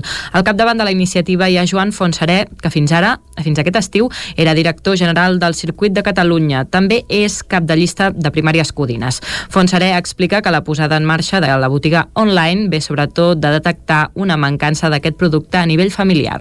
Doncs això, que i l'Ot són celíacs i que quan menjàvem pasta i deies, aquesta pasta que no, no hem de trobar més, uh, més varietat i, i de més, uh, una mica més qualitat i tal. I uh, al final doncs, vaig buscar jo per, per poder-ne, perquè poguéssim menjar ells i ara doncs, el mes de setembre per poder, una de les opcions era capitalitzar l'atur i eh, havies de, de, evidentment de capitalitzar-lo en base a un projecte i aquest projecte de, del tema d'un e-commerce doncs ja el tenia feia molt temps al cap Després de constatar que l'oferta de pasta i salsa sense gluten és limitada, Fonseré va entrar en contacte amb fabricants italians que li han permès tenir el producte disponible. El, en el projecte empresarial també hi ha abocats els coneixements adquirits per Fonseré en la seva etapa al circuit després eh, moltes entrades amb, amb Octagon i després ara aquí també el circuit doncs, també el tema digital quan ha fet l'eclusió final doncs, també, també tenia molta, molta importància i de tot aquest coneixement que he anat adquirint durant els anys vaig voler-lo posar en un, en un tipus de producte que creiem que era molt especialitzat, servir a, a casa del consumidor final aquest uh, tipus de producte tan especialitzat com és la pasta. Al mateix temps, el projecte compta amb un component esportiu perquè inclourà un servei d'assessoria esportiva. Fonseré apuntava que les dietes sense gluten tenen incidència en el rendiment esportiu, com s'ha comprovat amb els canvis d'alimentació que han fet alguns esportistes referents, com el tenista Novak Djokovic. El monòleg Les coses excepcionals, protagonitzat per Pau Roca, passava aquest diumenge pel Teatre Sirvianum de Torelló. En el monòleg dirigit per Sixto Paz Produccions, Pau Roca fa participar els assistents de la història, la d'un nen que ja adult recorda el dia en què el portaven a l'hospital a veure la seva mare afectada per una profunda depressió i el seu pare li proposava que fes una llista dels motius pels quals valia la pena viure. Una llista que amb el temps no havia parat de créixer i que pren un sentit especial en el context actual amb la pandèmia de Covid-19, ho explicava el protagonista Pau Roca. És una obra que, a part, en temps de pandèmia, ens ha, ens ha cridat molt l'atenció com connecta amb la gent, perquè al final estem parlant de les petites coses excepcionals del dia a dia que potser no acostumem a tenir en compte, no? I ara és aquest moment. Per exemple, n'hi ha una molt, molt òbvia, que és el número 45, eh, jo dic 45 i un espectador diu abraçar-se hi ha molta gent que en aquest moment fa hòstia, no? El text original de les coses excepcionals és de Duncan Macmillan, autor d'obres com Monster, People, Places and Things o Pulmons. I fins aquí el butlletí informatiu de les 10 que us hem ofert amb les veus de Vicenç Vigues, Clàudia Dinarès, David Auladell, Caral Campàs i Isaac Muntades. Ara el que toca, de nou, és parlar del temps. Casa Terradellos us ofereix el temps. I qui ens acosta el temps és en Pep Acosta. Bon dia, Pep. Hola, bon dia. I bona hora. Benvinguts a la informació del temps. Gràcies. I avui mm, tenim un dia diferent al d'ahir. Diferent. Uh, si ahir va començar amb núvols cada vegada més tapat i al final va ploure una mica, avui serà el contrari. Ens llevarem amb núvols, uh, no crec que enlloc plogui, però poder poden caure quatre gotes, molt poca cosa, i de cara a la tarda cada vegada més sol. Farà un bon sol ja de cara a la tarda. No tindrem precipitacions ni molt menys. I el vent, que aquesta nit ha sigut bastant moderat en alguna zona, eh, baixarà d'intensitat i serà molt més feble durant el dia d'avui. Uh, serà un dia molt tranquil, el més tranquil moment de tota la setmana. Les temperatures màximes, totes, gairebé totes, molt homogènies a totes les nostres poblacions, entre els 10 i els 15 graus. Molt normals per l'època de l'any, no hi ha grans fedorades, no hi ha grans calors, per tant, eh, és bo, eh? fa el temps que ha de fer, i això també és, és positiu i ens ha d'agradar a tots. Abans d'acabar, on no està fent el temps que hauria de fer i fa molt més fred, és cap al nord i cap a l'est d'Europa. Aquesta nit hi ha mínimes de 15 sota 0 a Berlín, 20 sota 0 a Tallinn, la capital d'Estònia, 11-12 sota 0 cap a Göteborg, unes temperatures molt, molt baixes en aquesta zona, hi ha una injecció d'aire fred provinent de, de Sibèria i de, del casquet polar, eh, que és enorme, eh? una, una, una extensió molt gran i que està provocant unes temperatures baixíssimes. Uh, aquests valors que estic dient, uh, penseu a la capital, eh? Uh, imagineu a pobles del costat o una muntanya pròxima a aquestes zones, uh, quin fred ha de fer, eh? temperatures encara molt més baixes en aquestes zones pròximes a les grans capitals europees. I aquesta onada de fred es va per dies, eh? Almenys almenys durarà fins al cap de setmana o inclús una mica més. Si algú, mm -hmm. Ara no, la gent viatja molt poc, mm. però si algú ha de viatjar cap allà, molta, molta precaució perquè tindrà molt i molt de fred. I això és tot. Uh, moltes gràcies. Demà hi tornarem.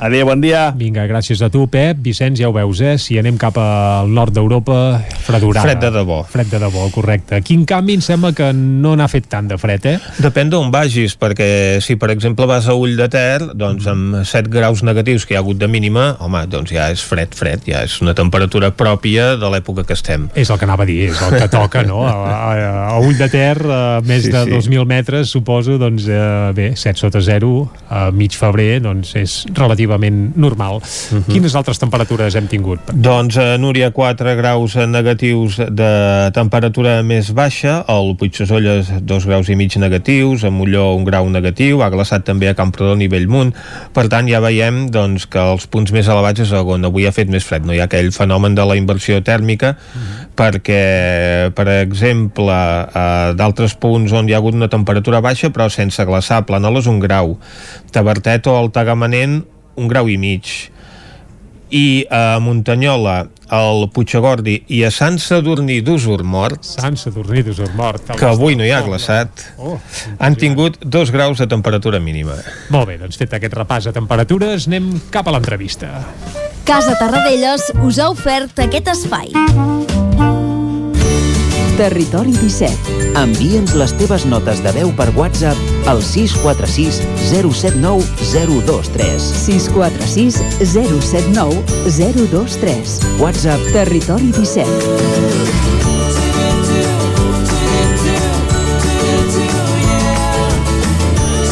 Territori 17. Som a Facebook, Twitter i Instagram amb l'usuari Territori 17.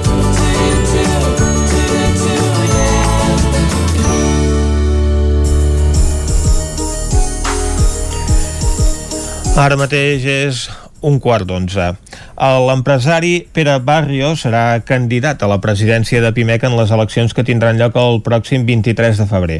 L'anterior president de la patronal catalana, Josep González, va anunciar la seva renúncia al càrrec eh, aquest passat dia 2 de febrer i al mateix temps va anunciar l'obertura d'un procés electoral. En parlem des d'una Codinenca, allà ens espera la Caral Campàs. Bon dia, Caral. Bon dia, Vicenç. Doncs sí, Barrios està vinculat a la petita i mitjana empresa, ja que és fundador de l'empresa Recam Laser de Caldes de Montbui i també havia sigut delegat de PIMEC al Vallès Oriental. I per parlar una mica de la seva candidatura i de tot plegat el tenim al telèfon. Bon dia, Pere. Gràcies per atendre'ns. Hola, bon dia. Bon dia. Eh, abans d'entrar de, en matèria, pots explicar una mica, podria explicar una mica quin ha sigut el seu recorregut dins de PIMEC i com a empresari previ a, aquest moment? Sí, bé, en el món de la patronal sempre he tingut interès en estar vinculat amb les associacions i vaig començar abans de, bueno, cap al dos, abans del 2000 jo ja estava de la junta directiva del Centre Metal·lúrgic de Sabadell i de continuació, després cap al 2005 vaig entrar a PIMEC i després de 8 anys al centre metal·lúrgic vaig passar a entrar a PIMEC i a PIMEC Vallès Oriental vaig arribar a ser president de, del territori i també a dintre de PIMEC a la comissió de metall, que seria la d'indústria, també vaig ser president. Això es va troncar quan els hi vaig dir un dia que volia estar dintre d'una llista per la Cambra de Comerç i no va agradar i vaig pensar que era millor deixar-ho estar i centrar-me en aquesta opció i el resultat és que ara mateix soc el vicepresident de la Càmera de Comerç, que va anar bé, però ara és una circumstància que podríem tornar cap a PIMEC. Eh, curiosament, jo vaig substituir el Josep González a la Càmera de Comerç, perquè ell també, com a president de PIMEC, havia sigut l'anterior vicepresident de la Càmera de Comerç, i és la càrrec que jo ara ocupo i ara pues, anem a veure si substitueix en un altre lloc. Uh -huh. Aquesta candidatura que s'està perfilant necessita l'aval d'un centenar de socis de la patronal i una quarantena d'integrants de la Junta. L'últim dia per aconseguir-los és el dia 12. Com, com està ara mateix aquesta recollida de suports? Bé, hem tingut molt bona acceptació, molt bon recorregut. Gratifica molt veure que hi ha gent ganes de col·laborar i d'ajudar i de canviar les coses com, com nosaltres i hem tingut pràcticament ja assolit el nombre d'avals aquest l'hem superat amb escreix uh, ara els estem recomptant, revisant perquè no hi cap que no sigui correcte perquè ha de ser només només ho poden avalar socis de PIMEC que estiguin al corrent de, de les seves obligacions de l'entitat, etc. Bueno, estem fent una revisió aquesta tarda quedarà tot confirmat i, i tenim per llistes perquè la candidatura ha de formar-se per un mínim de 39 membres al, a la directiva i ja hem arribat també a tenir-los sobres i amb tot això pensem demà al migdia presentar la candidatura oficialment a, a la seu de PIMEC. Uh -huh. Tenim entès que en principi volien demanar l'ajornament de la celebració de les eleccions perquè trobaven precipitat que s'hagin plantejat enmig de, de la campanya per, per, per ara les eleccions d'aquest diumenge. Uh, això us ho heu replantejat? No sé, per, per vosaltres quina sí. seria la, la data per, per fer aquestes Nosaltres eleccions de PIMEC? Vam demanar uh, que... Bueno, uh, sabíem que la, el tema va anar averiguant que la data que es pensava proposar era coincidint amb les eleccions si es feien el 30 de maig. Quan, es va, quan les eleccions al Parlament de Catalunya es van concretar pel 14F, eh, es va canviar i es va córrer i es va proposar de fer-les doncs, el 23 de febrer. I això, el curiós és que quan es va anunciar que hi hauria eleccions, es van convocar el mateix dia, o sigui que això ens deixava amb un termini concretament de 9 dies per, perquè qualsevol persona, entitat o això que és una candidatura busqués els avals, busqués bueno, tot el suport que necessites per tot això en 9 dies, no? Eh, ens va semblar que era una mica precipitat amb alguna intenció està fet, però bé, eh, nosaltres vam demanar que ens deixessin una cosa més raonable, com, com 3 mesos, no? Que, no, que ara, després de 24 anys, la mateixa presidència no calia córrer, i i vam demanar doncs, per dir alguna cosa vam dir tres mesos i es va, uh -huh. ens van contestar que no, que concretament van venir a dir el Canyete que si volíem eleccions van, van demanar-les i ara que les teníem que no allò no, no ens sembla molt elegant però eh, hem d'acceptar-ho perquè dintre el reglament que, que s'ha proposat i que s'ha creat per aquesta ocasió doncs diu que hi ha aquests terminis. Uh -huh. La seva candidatura és independent però compta amb el suport d'Eines de País, la plataforma de l'ANC que ja va impulsar la candidatura que va resultar guanyadora en Joan Canadell al capdavant a la Cambra de Comerç. Sí. De fet, vam, vam iniciar la, la, bueno, la iniciativa va sortir, diguem d'un grup d'empresaris i que ja ho havíem parlat fa temps, que potser algun dia, que quan es va sortir, diguem, i així apresuradament doncs, vam començar i vam fer ja primer una, una comunicació. En forma de roda de premsa vam dir que estàvem muntant la candidatura perquè això ens ha servit justament perquè se'ns afegís la gent i les, ajudes i, i tingués una mica de ressò. I eh, automàticament eh, ANC, Eines de, de País, doncs va, va manifestar el seu recolzament que nosaltres encanta, evidentment, i que d'alguna manera ja, ja hi comptàvem, però bueno, es va, es va concretar just el mateix dia o que nosaltres proposàvem la nostra intenció. -huh. Qui, quines persones formen la, la seva candidatura? És, és segur que vostè es mantengui com a cap de llista? En principi sí, però de totes maneres això és que no podem encara concretar masses coses fins demà, perquè justament demà és quan s'inicia la campanya, quan es pot eh, s'anunciarà i, es, i a més a més convoquem els mitjans justament demà a les 12 allà eh, a davant de la seu de Pimec uh -huh. Uh -huh. perquè allà estarem unes quantes cares de la candidatura i, i podrem atendre les preguntes i fins a aquell moment doncs hem de permetre que no donem masses noms ni això, de totes maneres uh -huh. hi, ha, hi ha gent que s'ha postulat per la presidència, per la vicepresidència i, i en principi de moment jo em sóc el que dona la cara i que en principi sí que seria presidenciable. Podem dir que estem davant d'un moment històric a la PIMEC perquè doncs, durant 24 anys no hi ha hagut eleccions. Josep González doncs, ha anat renovant el càrrec sense que no hi hagués eh, ningú que doncs, eh, intentés també accedir doncs, a aquesta presidència de la patronal. Efectivament, i així estava previst, i el reglament té molt clar una clàusula que diu com que podria haver-hi candidatura única, la cosa funcionarà d'aquesta manera. O sigui que això estava ja molt ben regulat, molt més que les pròpies sistema electoral, que ara ens trobem moltes preguntes i, i la Junta Electoral que han creat també en una vegada no ens sap contestar, hi ha molta incògnita, i hem dit que ho disculparem perquè està clar que hi ha molta pràctica no, de fer eleccions allà, però aquesta vegada pues, sembla ser que sí, que, que n'hi haurà. I estem veient moltes coses però bueno, això eh, ho hem d'anar acostumant-nos, almenys intentar evitar tots els obstacles que no era aquest eh, dels terminis tan curts, els hem superat, ja podem dir que sí, demà al matí la candidatura serà ferma i a partir de demà veurem com, com iniciem la nostra exposició de programa, etc. Bé, ara li volia preguntar una mica sobre propostes concretes, però entenc que tampoc uh, volen avançar a uh, res. No sé si... No, nosaltres, uh, ens podeu... nosaltres intentem mm. complir la, la, el propi reglament electoral, cosa que ja dic uh -huh. que no, no sembla que s'estigui fent del tot, però normalment ser nosaltres, per nosaltres que no sigui. Nosaltres, en teoria, si necessitem una candidatura oficial, no podem fer coses com demanar el vot o com eh, demanar uh -huh. la delegació de vot o com fer... Uh -huh propaganda, diguem, no?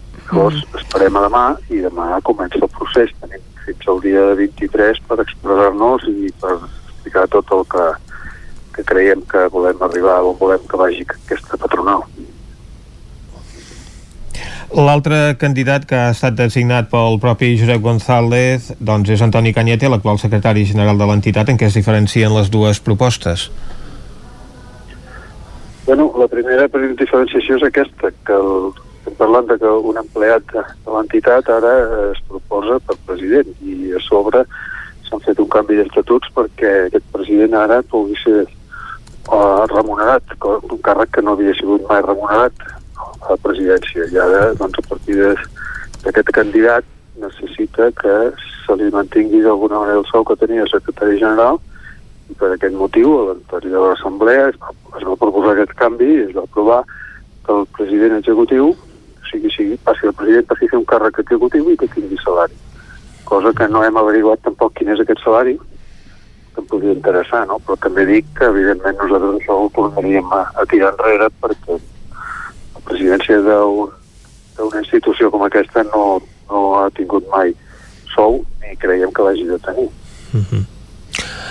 Mm, Pere, jo li volia demanar eh, què és més complicat per vostè presentar-se a la presidència de PIMEC o fer el Dakar, perquè vostè va fer el Dakar aquest any, ara fa poques setmanes que el va completar en aquesta primera categoria que hi ha hagut eh, aquest any de vehicles clàssics. Sí. Bueno, Com va anar? d'un rally i entro en un altre, no? Però són molt diferents. Sí, no, primer, evidentment, és qüestió de resistència física i psíquica una mica i fer set, quasi 7.000 quilòmetres en uns dies pel desert aràbia, bueno, mecànica, eh, t'involucres, formes part del cotxe, és, és tota una història, una aventura que, bueno, alguna vegada a la vida volia fer i ja l'he fet.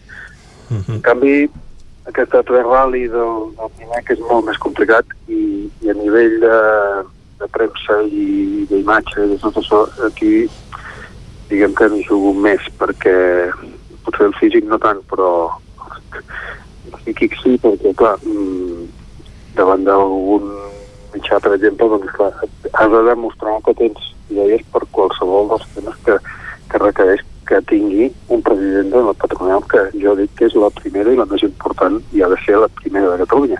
Uh -huh. Llavors, eh, has de tenir resposta per moltes coses i has d'estar preparat i amb això noto una mica de pressió, no? perquè esclar, et poden eh, demanar opinió i posició en moltíssimes coses de l'àmbit econòmic, empresarial. Hem de deixar-ho aquí, Pere, eh, se'ns acaba el temps, moltes gràcies. El nou FM, la ràdio de casa, al 92.8. A Vic, T52, un taller d'emocions. Una celebració, un reconeixement, un record, la victòria, el premi. Tenim una solució personalitzada per a cada ocasió. Ens trobaràs al centre, al carrer 941 i també a l'Horta Vermella, al carrer Menéndez Pelayo 31. Més informació a t52.cat. Xalant Moda i Complements. Més que rebaixes, nova secció tot a 10 euros. Moda home-dona, nen-nena, sabates, bosses de mà, maletes, complements i molt més. Sí, ho has sentit bé, tot a 10 euros. Vine a Can Xalant, ens trobaràs al carrer Sant Tomàs 4 de Call d'Atenes. També a Instagram i Facebook. Cocodril Club. Si t'agrada la bona música dels anys 60, 70 i 80, escolta el 9 FM els matins de dissabtes i diumenges d'11 a 1. És el temps del Cocodril Club, tot un clàssic de la ràdio, amb les bases del pop-rock, les llegendes, les cançons que s'han convertit en autèntics himnes. Recorda, dissabtes i diumenges al matí, d'11 a 1, al 9 FM 92.8. Cocodril Club, el programa revival de l'Albert Malla. Hasta luego, cocodrilo. Cobertes serveis funeraris. Els nostres tanatoris estan ubicats en els nuclis urbans més poblats de la comarca d'Osona per oferir un millor servei. Tanatori de Vic, Tanatori de Manlleu, Tanatori de Centelles i Tanatori de Roda de Ter. Sabem que són moments difícils i per això el nostre compromís és atendre-us en tot moment amb un tracte humà, sensible i respectuós. Cobertes serveis funeraris. Telèfon 24 hores 93 883 23 46. Són temps de reptes. A la Fogonera n'hem aconseguit tres. Servir arrossos d'estrella, per emportar i a un preu de justícia. Aquest hivern tenim l'arròs de calçots en tempura. La Fogonera, la rosseria de paelles per emportar a GURB i que també et portem a casa. Telèfon 93 851 55 75 i a lafogonera.cat. I quan cau la nit, Pupurri Culinari, solucions per sopar les nits de divendres i dissabte. Entra a pupurriculinari.cat i tria. El restaurant El Racó de León no s'oblida dels seus clients en aquests temps difícils i us ofereix els vostres plats preferits per emportar. Reserves al telèfon 93 889 1950. Obrim amb el 30% d'aforament. Disposem de menjador i terrassa amb totes les mesures de seguretat. El 9 FM, la ràdio de casa, al 92.8.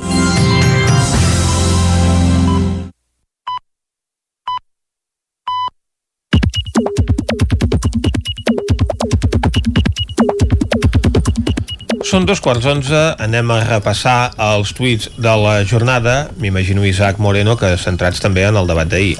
Pràcticament tots. Doncs comencem, si et sembla. Eric Carrera, l'Alejandro, segurament el millor parlamentari català. Pep Acosta, diu, els seus votants no miren TV3, però Alejandro Fernández hauria guanyat molts vots amb la gent de dretes. Uh, encara hi ha un segon d'en Puntí de l'Eric Carrera, vull dir, Eric Carrera Puntí. Hi ha hagut molt moment barra de bar espanyolista. No, molt moment no, hi ha hagut moment. Ell, de, de fet, anava fent una, una narració, pràcticament, de, de, del debat. Doncs, efectivament, com ja hem comentat abans, el candidat del Partit Popular va ser un dels triomfadors d'aquest debat. Francesc Codina, Borràs o l'emocionalisme, Garriga feixista... Fa un 1 per 1, eh? Borràs o l'emocionalisme, Garriga feixista, Fernández dreta espanyola, Sabater o el revolucionarisme, Albiac o l'esquerra de Carnet, Illa, el senyor que vol girar full, Aragonès, pragmatisme en principis, Chacón, tocada i posada, Carrizosa, la cara de la derrota. Pràcticament aquest 1 per 1 es podia haver fet abans del debat. També. Iñaki Escudero, eh, també... Ell, ell feia ja un rànquing de, dels millors candidats. A veure. He vist el debat de TV3, el meu rànquing de millor pitjor, i en cap cas reflexa afinitat o no política. 1. Fernández, 2. Chacón, 3. Albiac, 4. Illa, 5. Aragonès, 6. Carrizosa, 7. Borràs, 8. Sabater. El troglodita ni el qualifico. No entenc com poden deixar entrar al debat un skinhead. Doncs perquè ho dictamina la Junta Electoral. Hi havia piolades també de qui no era el debat. Marta Pascal, el dia acaba amb el debat. Per tots els candidats? No, per tots no. El PNC ens han exclòs. En aquest debat hi falta el PNC, falta la moderació, el sentit comú, la coherència i el catalanisme centrat i pragmàtic que no us farà passar vergonya. Clar, si ens posem així, faltava el PNC i tantes altres candidatures que es presenten. Primàries, per exemple, que I, doncs, és una formació que té regidories i una alcaldia. I tantes d'altres més que també es presenten que potser no tenen doncs, aquesta, aquesta representació en administracions, però en aquest cas doncs sí que n'hi ha. Pau Comas, l'illa té dos problemes. L'americana li va petita i Catalunya li va gran. Val a dir que la segona part es va descorrar el botó, l'americana. Elisabet Vallbona, el millor del debat de TV3 és Twitter. Ho sap tothom i és profecia. En Peyu, hi ha algun precedent al món d'un president que no sap pronunciar el nom del seu país? Uh, aquest cop no sé per qui anava, però bé. Uh, encara sobre el debat, uh, Lluís Toneu, tinc la sensació que la política catalana torna a ser un satèl·lit que orbita al voltant d'un objecte més gran, la política espanyola, mala notícia pels independentistes. O en Miquel R, el procés va separar famílies, el debat de TV3 també, m'he quedat sol intentant seguir-lo. Mariona Colomer, eh, aquest diumenge són les eleccions, però cap dels meus companys catalans a Suïssa podrem votar. Els canvis de dates, la multitud de tràmits presencials per les festes de Nadal i la pandèmia no han permès que puguem exercir el nostre dret a vot des de l'estranger. Xavier Tornafoc, canviant de qüestió ja, eh? No m'agrada Pablo Hasél i no m'agrada Baltònic. Els, el, es pot criticar sense insultar. Ara bé, ningú ha d'anar a la presó per una opinió. Ningú. L'etiqueta El arte con Pablo Hasél. Es lleven tard aquests, no? El arte con Pablo Hasél. Ferran Riols, músic, no ha sortit el sol, però sí la garça. Amb saber-la veure n'hi ha prou. Una altra de les notícies dels últims dies és l'atac als, als xais a Tavernoles. Ahir, des del compte de pagesos GPS, piolaven, assolit l'objectiu. Voldríem agrair l'iniciativa DISPEVI 1969, Xai Ecològic i Abel Peraire, la resposta als agents rurals i el suport de la País i tot suma, la solidaritat de tota la gent i en especial els caçadors de la zona que van ajudar a netejar la granja l'objectiu aconseguit són els, és el, la campanya de micromecenatge que es feia en benefici d'aquesta explotació de tavernes. Efectivament que ha perdut doncs, tots els caps de bestiar. I una última piulada futbolística, de fet la feia dilluns a la nit, però ahir no vam tenir temps de llegir aquest tuit d'en Pep Acosta que diu ja s'ha instal·lat el cagòmetro al Wanda Metropolitano. Suaran molt per guanyar aquesta lliga. Bé, esperem, esperem que afinin aquesta previsió. Doncs va, som Anem a llegir el que treu un portada al 99.cat. Uh, l'edició d'Osona i el Ripollès, crònica, la mobilització és el repte de cara a les eleccions d'aquest diumenge i també un vídeo protesta contra l'assetjament sexual al sector carni d'Osona. A la portada de l'edició del Vallès Oriental es manté la tendència a la reducció de casos de la Covid-19. L'exdirector de l'Hospital de Sant Celoni fitxa pel Consorci de Salut i Social la Unió Europea dona una pròrroga per culminar el projecte Life Trito del Montseny i una dona mor en un xoc a la variant de Cardedeu. Molt bé, doncs moltes gràcies, Isaac, per aquest repàs digital. Bon dia.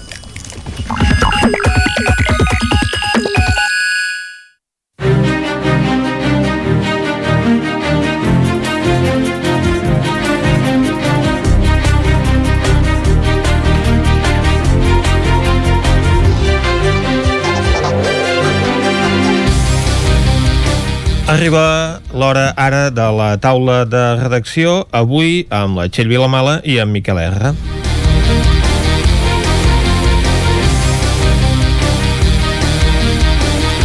Comencem, eh, Txell, parlant de la situació del procés de vacunació a la comarca d'Osona.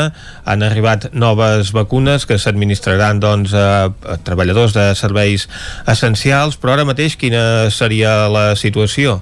això, per situar-nos, ara mateix aquí a Osona, bon dia, primer, estem I vacunant amb dos tipus de vacunes, d'una banda hi ha la de Pfizer, que recordem eh, que és bidosi i és la que s'ha reservat per les residències de gent gran, les residències també on viuen persones amb, amb discapacitat, eh, i també la que s'està administrant als professionals sanitaris que treballen a CAPs i hospitals.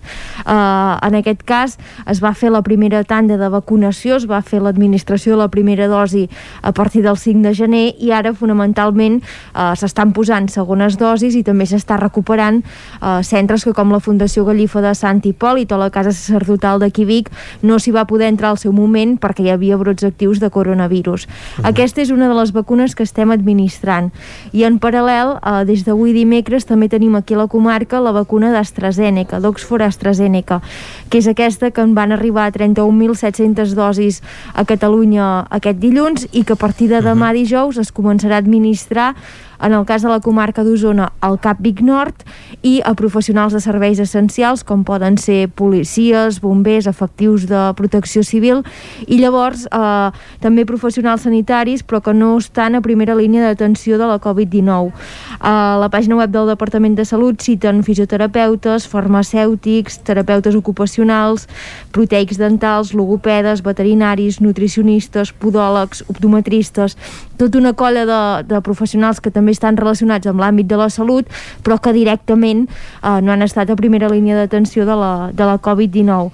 Llavors, a mesura que vagi avançant aquesta vacunació amb els serveis essencials, el Departament de Salut i Educació han confirmat que també s'hi inclourà eh, tot el que és el personal docent i un altre col·lectiu que tenim pendent, per exemple els dentistes o els higienistes eh, també aniran avançant uh -huh. uh, aquesta gent, no? les persones que formin part d'aquests col·lectius, què han de fer? Uh, Salut està enviant uns SMS en què es convoca un missatge de text en què es convoca aquestes persones a presentar-se uh -huh. al CAP Vic Nord això vol dir uh, que com que tot just es començarà demà pot ser que no tothom uh, ja tingui un missatge sabent uh, quin dia i a quina hora li toca sinó que en les properes setmanes a mesura que vagi avançant la vacunació doncs s'aniran enviant aquests missatges en aquests col·lectius essencials Clar, però en falten molts dies per vacunar a tothom, sobretot perquè no hi ha dosis ara mateix per tothom i s'han d'anar administrant a mesura que arribin. Exacte, hem d'entendre que dilluns van arribar a 31.700 dosis, però això és a tot Catalunya. Llavors, Mhm. evidentment,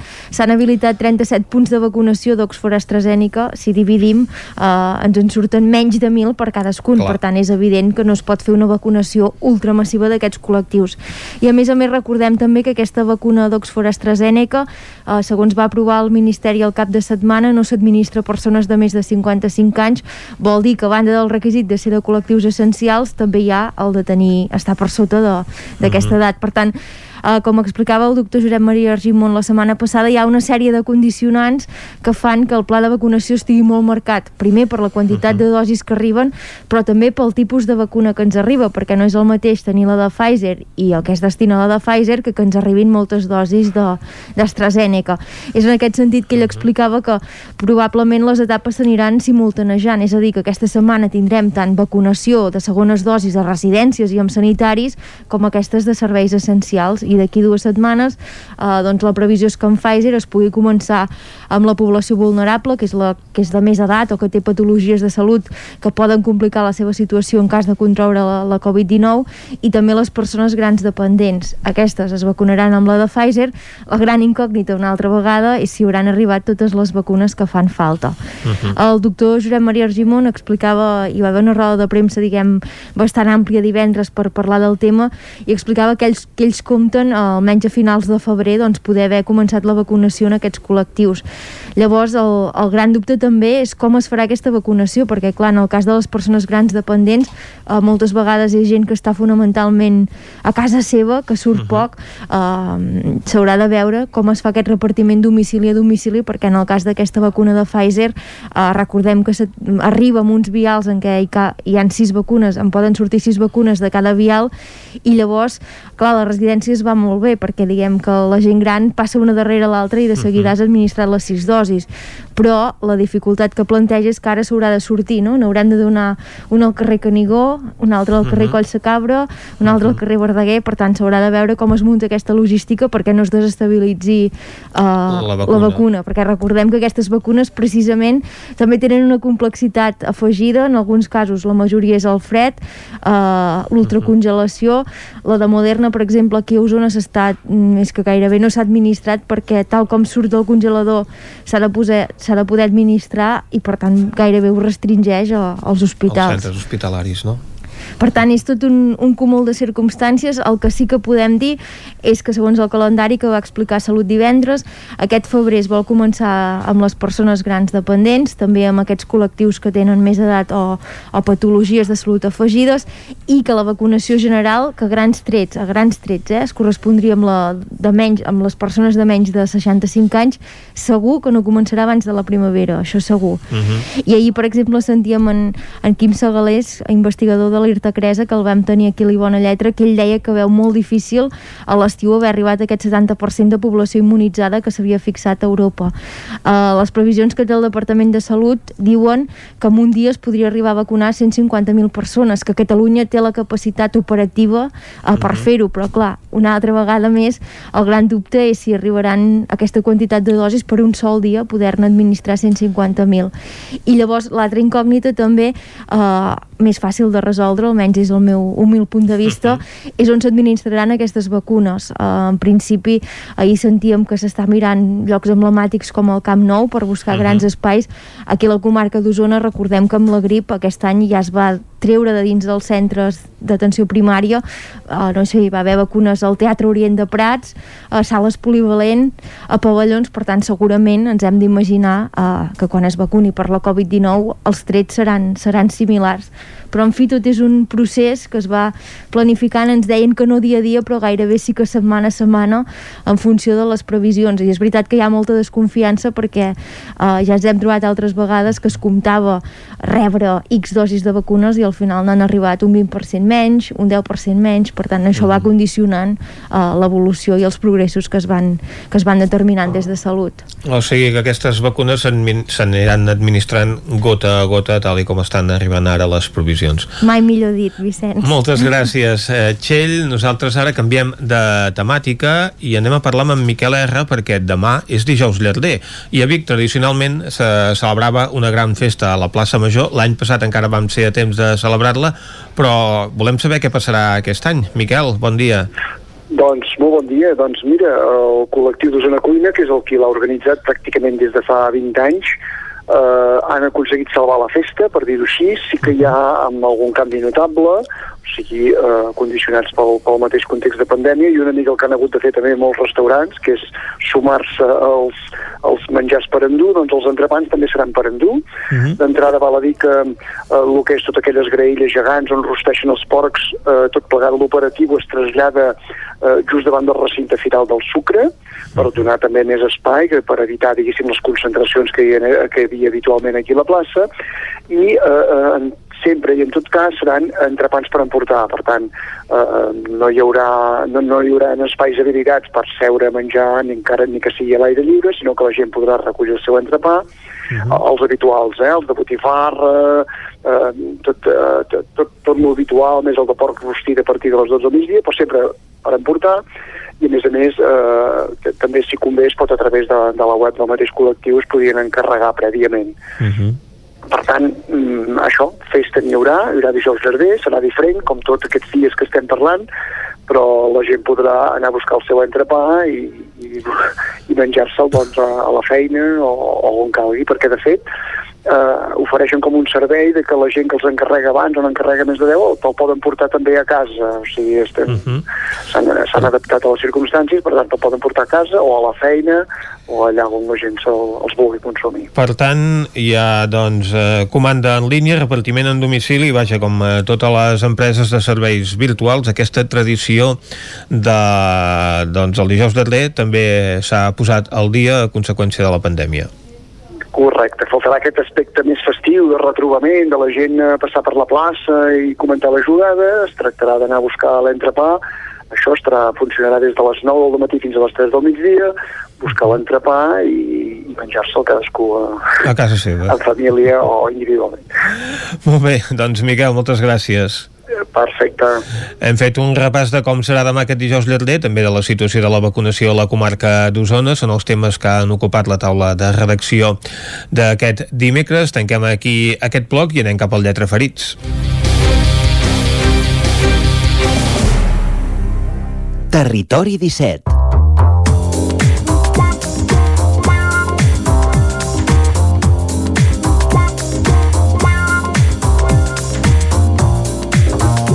Doncs vinga, Vicenç, anem cap al Lletra Ferits. Avui em sembla que anirem cap a Ona Codinenca, però Sí, senyor. arrenquem-ho, va.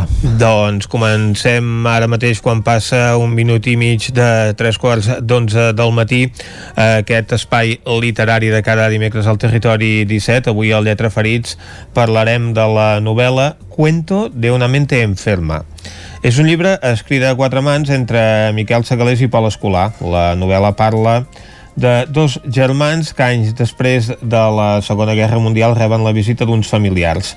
Durant aquest esdeveniment, un detall en una de les maletes obrirà una trama misteriosa, la qual doncs res sembla el que semblava en un principi. Però en té més detalls de tot plegat des d'una codinenca la Caral Campàs. Bon dia de nou, Caral. Hola, bon dia de nou. Doncs, doncs sí, eh, en parlarem amb, amb els autors eh, d'aquesta novel·la, Cuento de una mente enferma, i per això tenim al telèfon a Pol Escolar i Miquel Segalés, tal com bé deies. Eh, us saludem, bon dia a tots dos. Hola, bon dia. Bon dia, com esteu? Doncs molt bé, a veure si ens podeu explicar una mica, abans d'entrar a parlar sobre el llibre, parlem de, de vosaltres, dels autors. Uh, tots dos sou de Sabadell, tenim entès que, que Miquel Segalés havies estudiat, estiuejat o estiueges a Sant Feliu de Codines? Sí, sí, sí, sóc de Sabadell, però el meu pare és de Sant Feliu i per això estiuejava allà. Uh -huh. I tots dos viviu... So, a Pol, tu també ets de Sabadell? Jo soc del municipi del costat, soc de Sant Quirze del Vallès, però faig vida també a Sabadell per la proximitat. Conec molt bé Sant Feliu de Codines, el meu pare va treballar molts anys, va ser el director de les aldees infantils que hi ha al municipi, Mhm. uh -huh. i és un magnífic poble i magnífica gent. Uh -huh. I a què us dediqueu a nivell professional? Perquè ent- entenem, evidentment, que doncs, la literatura és una afició, com passa malauradament en la majoria d'escriptors del nostre país, però vosaltres, doncs, a què us dediqueu? Doncs jo actualment soc, jo Miquel, actualment soc eh, peri- o sigui, estudiant de periodisme, estudio primer, eh, entrenador de futbol en pràctiques i he escrit un altre llibre. O sigui, tinc un llibre i ara doncs estem estic pel segon. Jo, en canvi, no, no em dedico al món literari, per això hem comptat amb la col·laboració de gent professional. Eh, jo em dedico al món de la gastronomia. Eh, soc cuiner, treballo un restaurant compartit a Cadaqués i al Disfrutar de Barcelona. Som de diferents ciències diferents, Miquel i jo, però a l'haver compartit aquesta experiència vam, vam creure que era una bona oportunitat de treballar junts i per això hem comptat amb escriptors com Doris Sonheimer, que va escriure les set cases, i gent professional en el món literari. Uh -huh. Eh, per tant, eh, dediqueu el, vostre, el vostre temps lliure a l'escriptura, no? Podríem considerar doncs, que, que és el vostre passatemps? O... Sí, sí, sí, és un bon és un passatemps que tenim, ens agrada molt com a afició, però com creiem que la literatura és un ofici molt complicat i que porta molta pràctica, nosaltres no ens considerem escriptors. faltaria més. Nosaltres, eh, Miquel, com ha dit, estudis estudiant periodisme, jo sóc cuiner i ho fem per afició i ens agrada molt i creiem que per fer-ho bé hem de comptar amb l'ajut de, de gent que pot dedicar-hi moltes hores i, i molts anys, està clar. I podem dir que ara, atesa la situació doncs, de pandèmia que estem vivint, heu tingut més temps per dedicar-lo a aquesta afició? Sí, exacte, o sigui, el llibre el vam... No, la idea me, va, me la va donar a la- a a l'abril, Uh -huh.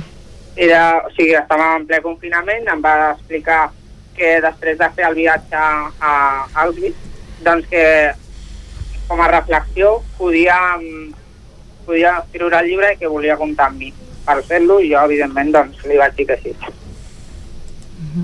Llavors, la idea d'escriure aquesta novel·la sorgeix d'un viatge a Polònia, no? Sí. Com va anar? Sí, correcte. Sorgeix d'un viatge que vam fer un grup de companys l'any 2019. Nosaltres estudiàvem a, a l'escola Sant Ignasi de Sarrià, als jesuïtes, i es va posar en pràctica un, un curs de formació pastoral i espiritual per anar als camps d'extermini. I prèviament, abans d'anar, vam comptar amb el suport d'escriptors, de supervivents i gent d'aquest entorn. Vam anar allà, diferents companys de diferents temàtiques, cadascú estudiava una formació professional diferent, i arrel d'això vam creure que l'experiència era mm, molt impactant, d'una càrrega emocional molt gran, i que valia la pena fer una història. S'han escrit molts llibres sobre aquesta temàtica, però el que marcava la diferència és que vam poder tenir l'oportunitat de parlar amb molts supervivents i ens van donar un recull d'experiències en el camp d'extermini que hem volgut plasmar en aquest llibre. Vam decidir, exacte, que eh, tot ho podríem transformar perquè ens agrada la temàtica novel·lística i hem pensat per què no ho expliquem a través de tres aspectes. Eh, testimonis, eh, realitat que nosaltres hem vist i la ficció del que nosaltres hem creat. Uh -huh. Tenim entès doncs, que aquest llibre eh, ha estat escrit en quatre mans. Eh, quins són els obstacles doncs, que us heu trobat a l'hora de fer-lo? Doncs potser el, el tema de quedar de vegades o la dificultat en, en saber plasmar les idees, saber dir exactament què és el que més encaixaria amb la història. Correcte, hi ha hagut una sèrie de factors que, com a tothom, no? els temps que corren són complicats per tots, i ens ha costat el fet de poder trobar moments per quedar, ja que el viure en municipis al costat, però diferents, no ens hem pogut trobar, el Miquel amb les seves dificultats bueno, de, d'estudiant, jo amb les meves de feina, que podia treballar, després no, i això ens, ens, ens va fer una, mica de traves al principi, però bueno, vam acabar trobant llocs i amb el temps hem pogut assolir l'objectiu. Cadascú venia d'una temàtica diferent, o sigui, ell ha estat escrivint llibres de cuina i jo vaig escriure un llibre sobre l'Asperger, sobre la meva experiència amb la síndrome d'Asperger, i clar, també doncs, costava, però al final doncs, l'hem tret a través de l'aportació de cadascú, doncs l'hem tirat endavant. Ah, el nom del llibre, Cuento de una mente enferma, fa por, però no és una ve- novel·la de terror. Sí, el nom, la veritat que hem estat molt enamorats d'aquest nom perquè cal dir que no vam haver de pensar-lo massa. Tot va sortir a, estàvem a Cracòvia, a una tarda del març del 2019, parlant a, amb una dona d'uns 86 anys que va ser, que va ser supervivent del camp de- d'extermini de, d'Auschwitz-Birkenau i junt amb l'intèrpret, una vegada va acabar d'explicar el que era la seva vivència, la seva experiència a en una frase va comentar, bueno, en resumen, mi vida fue el cuento de una mente enferma. Jo m'ho vaig guardar en una llibreta i vaig comentar al Miquel, per què no fem un llibre basat en la història també d'aquesta senyora i ja tenim el títol. És un nom així una mica impactant, però és el que volem fer referència, no? És un lloc terrorífic, un lloc on van passar coses bastant, bastant cruels, que diguem. Uh -huh. I eh, és una novel·la doncs, que es basa en una història real, aquesta? És, o sigui, els personatges no són reals, però els fets són, són o sigui, han passat. Els fets sí que són reals, els personatges hem volgut canviar els noms, també per respecte i per, bueno, per tapar la, la identitat de les persones, però els fets que van succeir són totalment reals, van passar a la Cracòvia de, del, l'any 40 dels anys 40 durant la Segona Guerra Mundial i hem donat aquest toc de ficció, però va molt basada en la realitat i els aconteixements succeeixen sempre en llocs reals. O sigui, el, els carrers, la situació de la novel·la és totalment real i per això hem volgut posar al final del llibre tot la, el recull de, de reflexions que es, que es van fer allà i de, i de vivències. Mm -hmm. Perquè ens dèieu doncs, que heu parlat amb molts testimonis, amb molta gent, per poder fer aquest llibre. Sí, o sigui, vam parlar amb la... A part de parlar amb la Doris Sonheimer, vam parlar amb un dels supervivents que quan va passar la Segona Guerra Mundial era molt petit, tenia uns 4 anys. Uns 4 anys, correcte, i vam comptar amb diferents institucions i organismes per, per, de col·laboració, ja no només a l'Escola de Jesuïtes Sarrià Sant Ignasi, sinó al Memorial i al Museu Tassit Birkenau, que es troba a Cracòvia, però està disponible online per tot el món, el Centre de Diàleg d'Auschwitz, eh, inclús el Ministeri d'Assumptes Exteriors de la Unió Europea i Cooperació, que ens va proporcionar les entrevistes amb els supervivents, juntament amb el Centre Separat Israel, que són tot el conjunt de supervivents dels camps d'extermini, que són de parla hispana o tenien alguna relació amb Catalunya o Espanya, ja que recordem que molts supervivents catalans van acabar als camps de Mauthausen i d'Auschwitz-Birkenau. Exacte, en el comboi del, del 127. Sí. Mm -hmm. eh, ha sigut dur per vosaltres conèixer de prop aquestes històries? Bastant, bastant complicat. Jo la veritat és que des dels 10 anys segueixo la temàtica de la Segona Guerra Mundial perquè em va agradar molt llegir i veure de petit El niño con el pijama de ratlles i tinc molts llibres sobre la Segona Guerra Mundial i sí, la veritat és que ha sigut bastant dur i terrible acabar de conèixer i trepitjar els llocs que els llocs on ha passat tot. O sigui, ha sigut... Realment ha sigut una experiència impactant, una, més que impactant hi ha una càrrega emocional molt forta, no? i sobretot quan coneixes testimonis reals. Sempre hem estat acostumats a sentir parlar de l'Holocaust o veure pel·lícules o llegir els llibres, però quan li poses cara i ulls a, a la realitat, ja sigui veient les fotos dels deportats o parlant amb, amb testimonis que van sobreviure a l'extermini, es es fa molt dur. I creiem que s'ha escrit molt i s'han fet moltes pel·lícules d'aquesta temàtica, però s'ha de fer més, sigui a nivell professional o a nivell amateur, perquè és un tema que políticament hem de conscienciar, no? Hi ha una lluita política dins d'aquest llibre. Uh -huh. I amb aquesta temàtica és amb la que us heu sentit més còmodes, perquè en Miquel ens comentava doncs, que té un llibre autobiogràfic del, sobre la síndrome d'Asperger, eh, tu, eh, Pol, que ets cuiner, doncs has escrit llibres de cuina, evidentment són temàtiques que no tenen res a veure amb la que heu tractat en aquest llibre a quatre mans, però us hi heu sentit còmodes amb aquest canvi de gènere? Sí, sí, sí, la veritat és que ens hem sentit bastant a gust perquè al final són històries que, que surten de la nostra zona de confort, és a dir, hem de transformar el personatge, donar una història, o sigui, crear una història i donar una vida i, i acabar sent com guionistes o, o directors d'una pel·lícula. Sí. També cal reconèixer que dintre de, dins de la mateixa història també vam donar petits matisos de, de la professió de cadascú, no? Fem referència a temàtiques de futbol, ja sigui de Polònia o de cuina, perquè la, la gastronomia al final és un entorn social, no? És conèixer la cultura de cada lloc Exacte. i ho vam voler plasmar al llibre, no? Tenim petites pinzellades de, de les nostres professions. Uh -huh. Uh -huh. Uh, el llibre, editat per Signo Comunicació, Comunicación, de moment es pot trobar a Amazon. A partir de quin dia es podrà adquirir físicament i a on? Doncs el, el llibre, de moment, com, com has dit molt bé, està disponible en Amazon, en versió digital o de paper, tota demanda, i a partir del 27 de febrer, principis de març, serà ja disponible en llibreries. Comen començaran a vendre per llibreries més locals, per Sabadell, pel Vallès Occidental, però la nostra idea és poder arribar a difondre el llibre en altres comarques i en altres entorns. A la llibreria de la plaça arribarà ben aviat. Això Al llarg del llibre de Sabadell, sí. la llibreria tècnica, diferents... Estem, estem intentant col·laborar amb diferents llibreries i plataformes, també amb escoles, per fer presentacions sobre aquesta temàtica, que considerem que és molt interessant i més en els temps que corren. Uh -huh. I en aquests temps que corren la gent també doncs, es diu que té més temps per llegir. No sé si vosaltres també us ha passat que heu aprofitat el confinament doncs, per llegir ja que no es pot sortir de casa pràcticament per res. Sí, sí, llegir, veure pel·lícules més que mai. I sèries, sobretot. Informació, molta informació i que també ens ha portat per escriure el llibre alguna pel·lícula o alguna sèrie que, que en petits traces doncs, ens ha ajudat. Hem fet un ús excessiu a vegades inclús de la pantalla. ja que moltes vegades no es pot sortir, intentem sortir com tothom a, a fer esport i tal, però sí que hem, fet, hem, hem llegit i hem aprofitat per, per informar-nos més, tant de la temàtica com d'altres coses, eh? Uh -huh. Ja que clar, són situacions difícils i s'ha de buscar entreteniment, està clar. Uh -huh. Doncs Miquel Segalés i Pol Escolar, moltes gràcies per acompanyar-nos avui. A vostès, moltes gràcies. Vagi molt bé. Amb ells dos hem parlat d'aquest llibre que han escrit a quatre mans, Cuento de una mente enferma, un llibre doncs, que aviat trobarem a les llibreries, de moment es pot adquirir per Amazon d'aquests dos autors vinculats a Sant Feliu de Codines. Són les 11. Territori 17, amb Vicenç Vigues i Jordi Sunyer.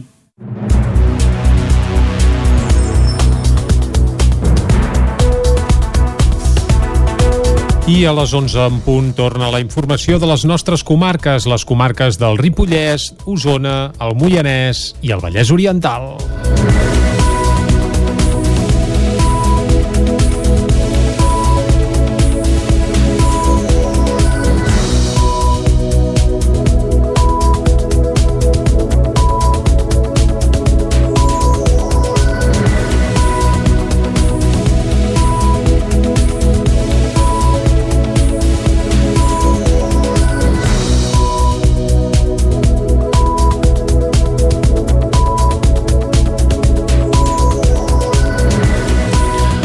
Dos joves impulsen un projecte de co-living a Sant Joan perquè la gent treballi i visqui en un mateix espai en plena natura. Isaac Muntades, des de la veu de Sant Joan. Helena Arana i Joan Massó són els impulsors de la iniciativa FEM, un projecte de co-living que han dut a terme al Mas La Folcrà de Sant Joan les Abadeses. La definició de co-living seria un espai on la gent que ja té una feina o un projecte laboral pot venir-hi a viure i teletreballar des d'allà. La idea és que la gent de la ciutat pugui viure més a prop de la natura, un fet que, segons Massó, té alguns beneficis. és un valor també en el sentit professional, no? Creiem que si un es pren la feina d'una manera una miqueta més positiva, o sigui, ja no la feina, però si el teu dia a dia és una miqueta més, més amable, més, més coordinat amb l'entorn, també a l'hora de treballar, quan estem parlant de professions creatives, de persones que estan creant nous projectes, etc, pri prioritzar no, a la qualitat de vida, el benestar personal, eh, també es repercutirà no, en, el, en els resultats, en els projectes que es vagin desenvolupant. Una mica la nostra intenció és aquesta, posar a l'abast de la gent un espai amable,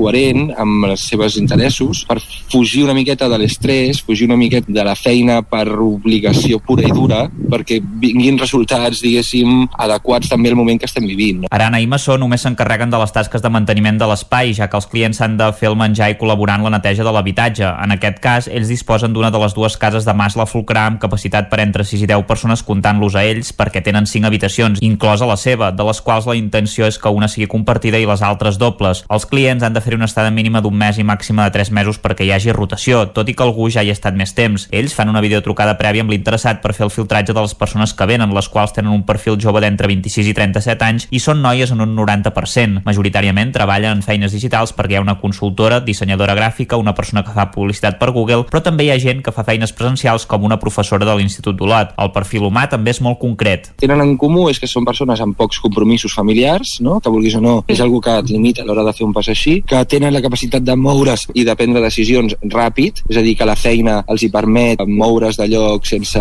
donar-li masses voltes, i després que són persones valentes, no? Com que encara estan rehabilitant la casa, el preu és més assequible i s'ajusta a l'estat de l'habitatge, ja que s'ha de comptar que amb les reformes poden haver-hi sorolls o molèsties. L'espai també disposa d'una zona de coworking. Els impulsors de FEM també els ofereixen allotjament i menjar a persones que solen venir de països estrangers que volen conèixer món però no tenen gaires diners a canvi que els ajudin durant 4 hores al dia en el manteniment de la casa.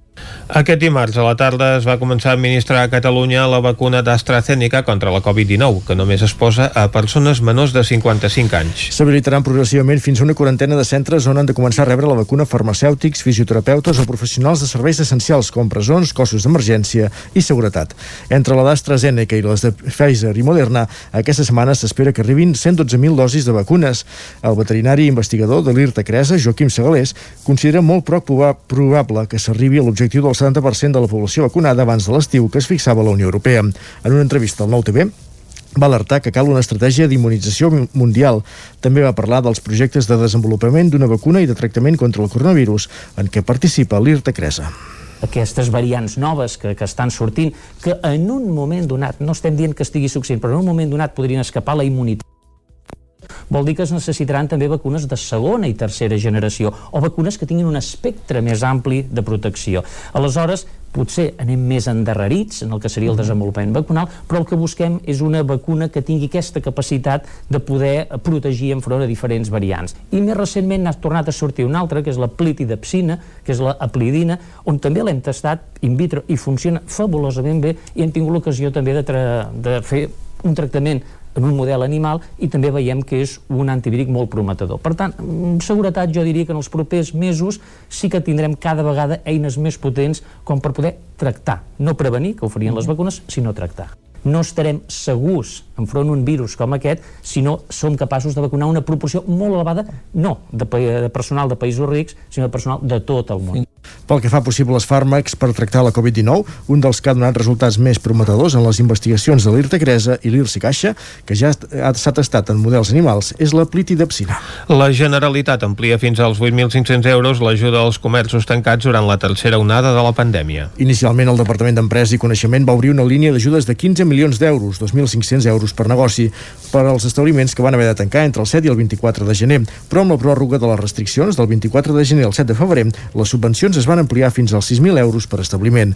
Ara la Generalitat eleva l'ajut fins als 8.500 euros, després que el Procicat allargués el tancament de diversos locals comercials fins al 21 de febrer.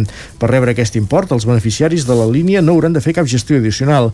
Les ajudes van adreçades als establiments comercials de productes no essencials de més de 400 metres quadrats i a les botigues de productes no essencials de centres, galeries i recintes comercials tancats des del passat 7 de gener per fer front a l'expansió de la Covid-19.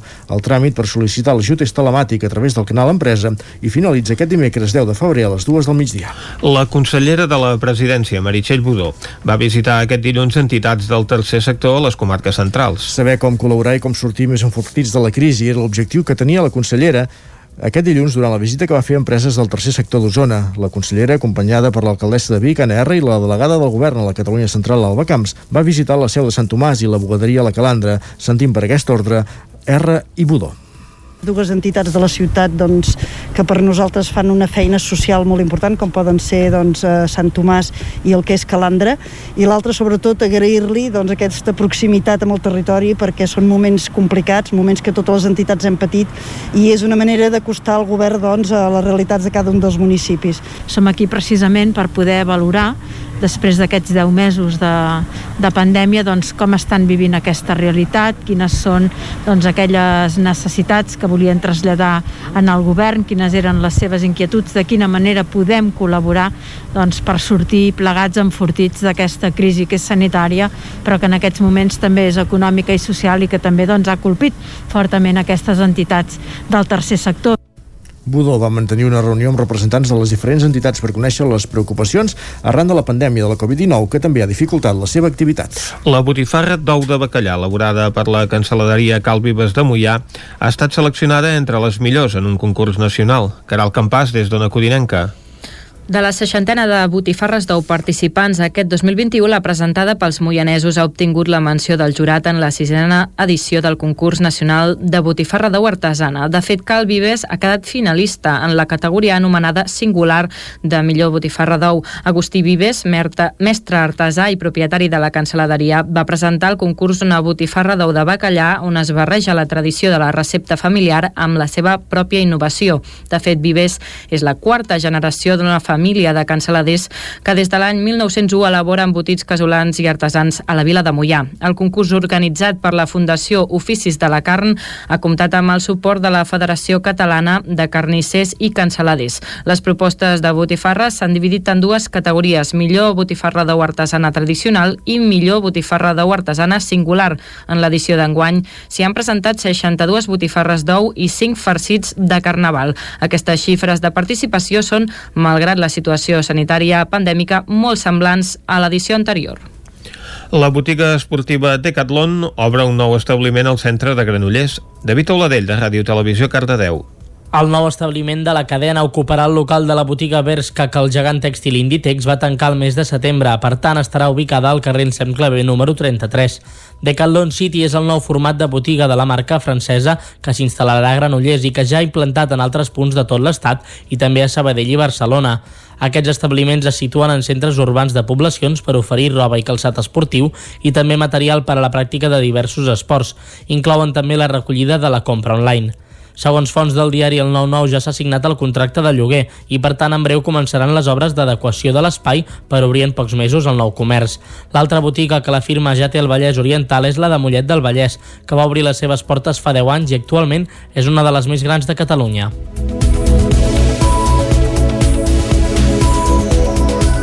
I fins aquí el butlletí informatiu que us hem ofert amb les veus de Vicenç Vigues, Isaac Moreno, David Auladell, Caral Campàs i Isaac Muntades. Ara el que farem és recuperar la informació meteorològica per saber el temps que ens espera per a les properes hores.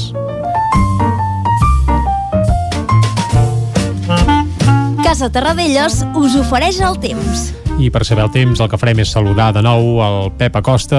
Pep, bon dia altra vegada. Per cert, Pep, hem sentit les teves piulades i estaves especialment inspirat, eh? Això, això també cal dir-ho. Però va, no parlem de piulades, anem al No temps. parlem de futbol. No, no, no. Bon dia, Pep.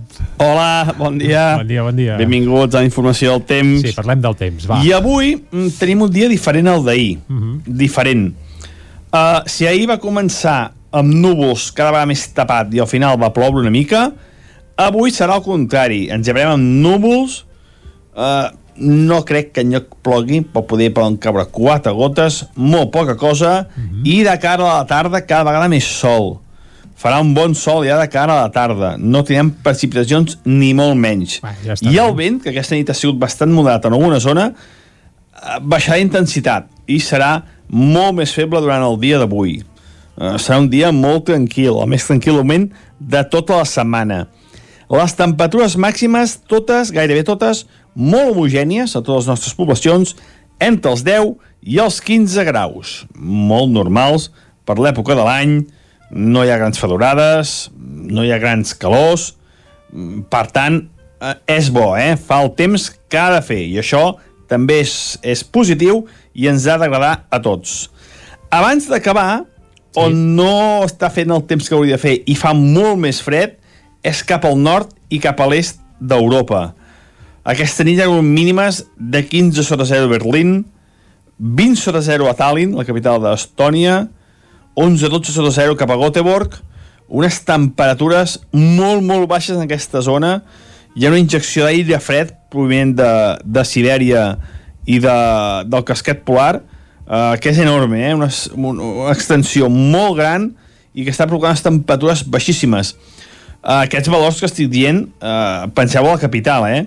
Uh, imagineu a pobles del costat o alguna muntanya pròxima a aquestes zones, uh, quin fred ha de fer, eh? Temperatures encara molt més baixes en aquestes zones pròximes a les grans capitals europees. I aquesta onada de fred es veu que va per dies, eh? Almenys, almenys durarà fins al cap de setmana o inclús una mica més. Si algú, ara no, la gent viatja molt poc, però si algú ha de viatjar cap allà, molta, molta precaució perquè tindrà molt i molt de fred. I això és tot. Uh, moltes gràcies. Demà hi tornarem. Doncs va. Adéu, bon dia. T'esperem demà, Pep. Uh, no anirem pas a Alemanya, eh, Vicenç, ni No. a Letònia, etc etc. Ens quedarem per Ni aquí. molt menys. Molt bé. Doncs va, ens quedem per aquí i anem al territori sostenible amb el Jordi Givert. Casa Tarradellas us ha ofert aquest espai.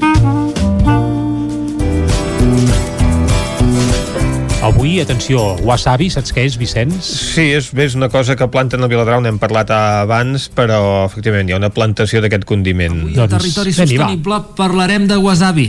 Sí, sé que no és el nostre producte més nostrat com els que solem parlar habitualment, però és un producte de proximitat, perquè ens acostem fins a Viladrau per descobrir aquesta aventura. Tenim amb nosaltres en Pau Hellman, que és un dels fundadors de Yamaoi Wasabi, una empresa que produeix wasabi al peu del Montseny. Hola, Pau. Hola, què tal? Pau, uh, vam conèixer el, el vostre projecte i, i vam tenir curiositat per, per descobrir-vos i saber com, com treballeu. Primer de tot, com, com surt aquesta idea de, de fer wasabi a, aquí a, a Osona, al, al Montseny? Doncs mira, mm, això va venir de, el meu soci, l'Arnau Riba, que viu, viu a, a, a la finca on ara mateix tenim el cultiu, a Viladrau, doncs eh, estava mm, pensant, volia fer un projecte amb valor afegit, diguéssim, i doncs amb un amic seu, ell tots dos són molt amants de la gastronomia japonesa, van sentir a parlar del wasabi, que es parlava mm, com si fos un dels cultius més, més difícils que hi ha i que bueno, hi havia hagut molta, molts intents i moltes experiències frustrades a tot arreu i molt, molt poca gent fora del Japó havia aconseguit eh, doncs, doncs, cultivar-lo amb èxit. I va ser així com va néixer la idea i vam, vam començar amb una petita prova pilot i més com una, com una aventura que no pas eh, realment amb, amb la certesa que ho aconseguiríem. Clar, quant de temps porteu treballant perquè la gent se'n se, faci una idea? Doncs mira, el projecte va començar, la primera plantació va ser el juny de 2016 uh -huh. i bé, el wasabi triga dos anys en, en créixer, és una planta hortícola però que triga dos anys a, a tenir el tamany per, per poder-la collir i bé, eh, ens vam, vam sortir al mercat a l'octubre de 2018. Val. Uh, per la gent que, que potser no, no coneix gaire el wasabi, uh, clar, jo el conec de, de, és aquella pasta verda que, que et posen a vegades amb el sushi o amb diferents uh, productes japonesos. És, és això el que feu?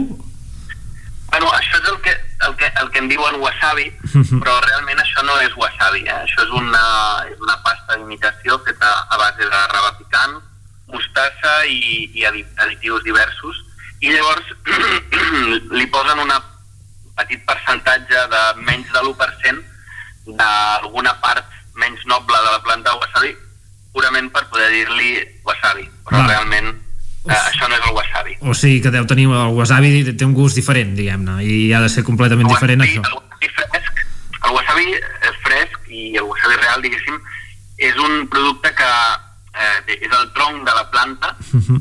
és el que nosaltres eh, produïm i servim. Eh, nosaltres servim aquest, aquest tronc als restaurants o, o particulars i la gent s'ho ratlla al, a l'instant o, o, o bé t'ho ratllen davant teu en el restaurant o, o t'ho ratlles a casa teva amb un ratllador especial per wasabi uh -huh. eh, i, i, i és, és, una, és una, un producte molt efímer que, que s'ha de ratllar a l'instant i consumir-lo entre dos i 15 minuts un cop ratllat perquè després s'oxida i perd les propietats i el, a, nivell, a nivell organolèptic, a nivell de textura eh, de sabor, en definitiva no té, no té res a veure amb el wasabi d'imitació. Això és un producte molt, molt més fi, uh -huh. eh, suau, amb molts més matisos, eh, més aromàtic, el picant no és tan agressiu i és un picant molt efímer i molt fresc. Clar, uh, canvia completament la idea que tenia jo de, del wasabi després d'escoltar-te. De, um, com, com treballeu? O sigui, ens comentaves que el, el wasabi tardava dos anys a créixer, Uh, quin és el, el, el procés? Com, com el cuideu, diguem-ne? Bé, nosaltres uh, un dels grans reptes que vam tenir realment va ser dissenyar una infraestructura que ens permetés eh, fer créixer el wasabi. Eh? El wasabi és una de les plantes més sensibles que hi ha als canvis eh, eh, ambientals. És molt exigent en quant a temperatura, humitat, eh, insolació eh, i sobretot a la qualitat de l'aigua. Eh? En aquest cas nosaltres estem a, a Viladrau, Viladrau doncs, eh, tothom coneix sí. l'aigua mineral que tenim i, i això és un dels puntals que ens permet fer créixer, fer créixer el wasabi. No? Llavors, eh, un dels grans reptes va ser aquest, eh, desenvolupar una infraestructura que pogués eh, mimetitzar al màxim possible les condicions que es troba la planta en el seu hàbitat natural, que és el Japó. Llavors, I, en, entenc que, que el planteu en un hivernacle? Bé, l'estructura recorda l'hivernacle, però uh -huh. realment és una estructura molt més um, flexible en la qual nosaltres durant l'any i anem fent modificacions contínuament per tal de, de fer que, el, que la planta estigui eh, en, en aquell òptim necessari per poder créixer. Uh -huh. la, la meva altra pregunta és on, on veneu el, el wasabi? uh, ara hi ha pandèmia però uh, durant uh, abans de la pandèmia els restaurants eren el, els vostres uh, clients uh, preferents diguéssim, o, o els més habituals Sí, a veure, ara estem venent eh, doncs els, els pocs restaurants que estan oberts uh -huh. i, molt, i molt a particular Vam, tenim algunes botigues a, a Catalunya però bé, no, no és que tinguem, no és que siguin nostres, però algunes botigues a Catalunya venen el nostre wasabi Val però ara fa cosa de tres mesos vam obrir la nostra web on, on fem venda online a particulars per tal que la gent pugui comprar wasabi i provar-lo a casa seva amb sushi o amb carn o amb el que sigui. Fins eh, llavors, fins, o fins abans de la pandèmia, nosaltres principalment veníem a restaurants d'alta gamma, restaurants d'estrella Michelin, uh -huh. eh, els millors restaurants de Catalunya i d'Espanya estàvem treballant i després el que seria restaurant japonès d'etiquet mig alt o alt. Eh? Uh -huh. I després també una altra línia que ens ha agradat molt, que, que han apostat molt, molt pel nostre producte són eh, els restaurants eh, de quilòmetre zero d'aquí a Catalunya que bé, han valorat molt eh, el que fem, el, el poder tenir wasabi de proximitat perquè clar, en, en aquest perfil de restaurant eh, doncs no, no entra la, en aquesta lògica que portin wasabi des del Japó, no? Uh -huh. Perquè és molt complicat i es fa malbé, doncs bueno, aquí tenen un producte eh, únic que és l'únic lloc a tot Espanya i a tot el sud d'Europa on es fa wasabi i bueno, consideren un, una oportunitat per poder treballar aquest producte. Clar, eh, també, també ens comentaves que veneu a restaurants japonesos, o sigui que també prefereixen aquest producte fresc i de proximitat que no pas el, un, un wasabi portat del Japó.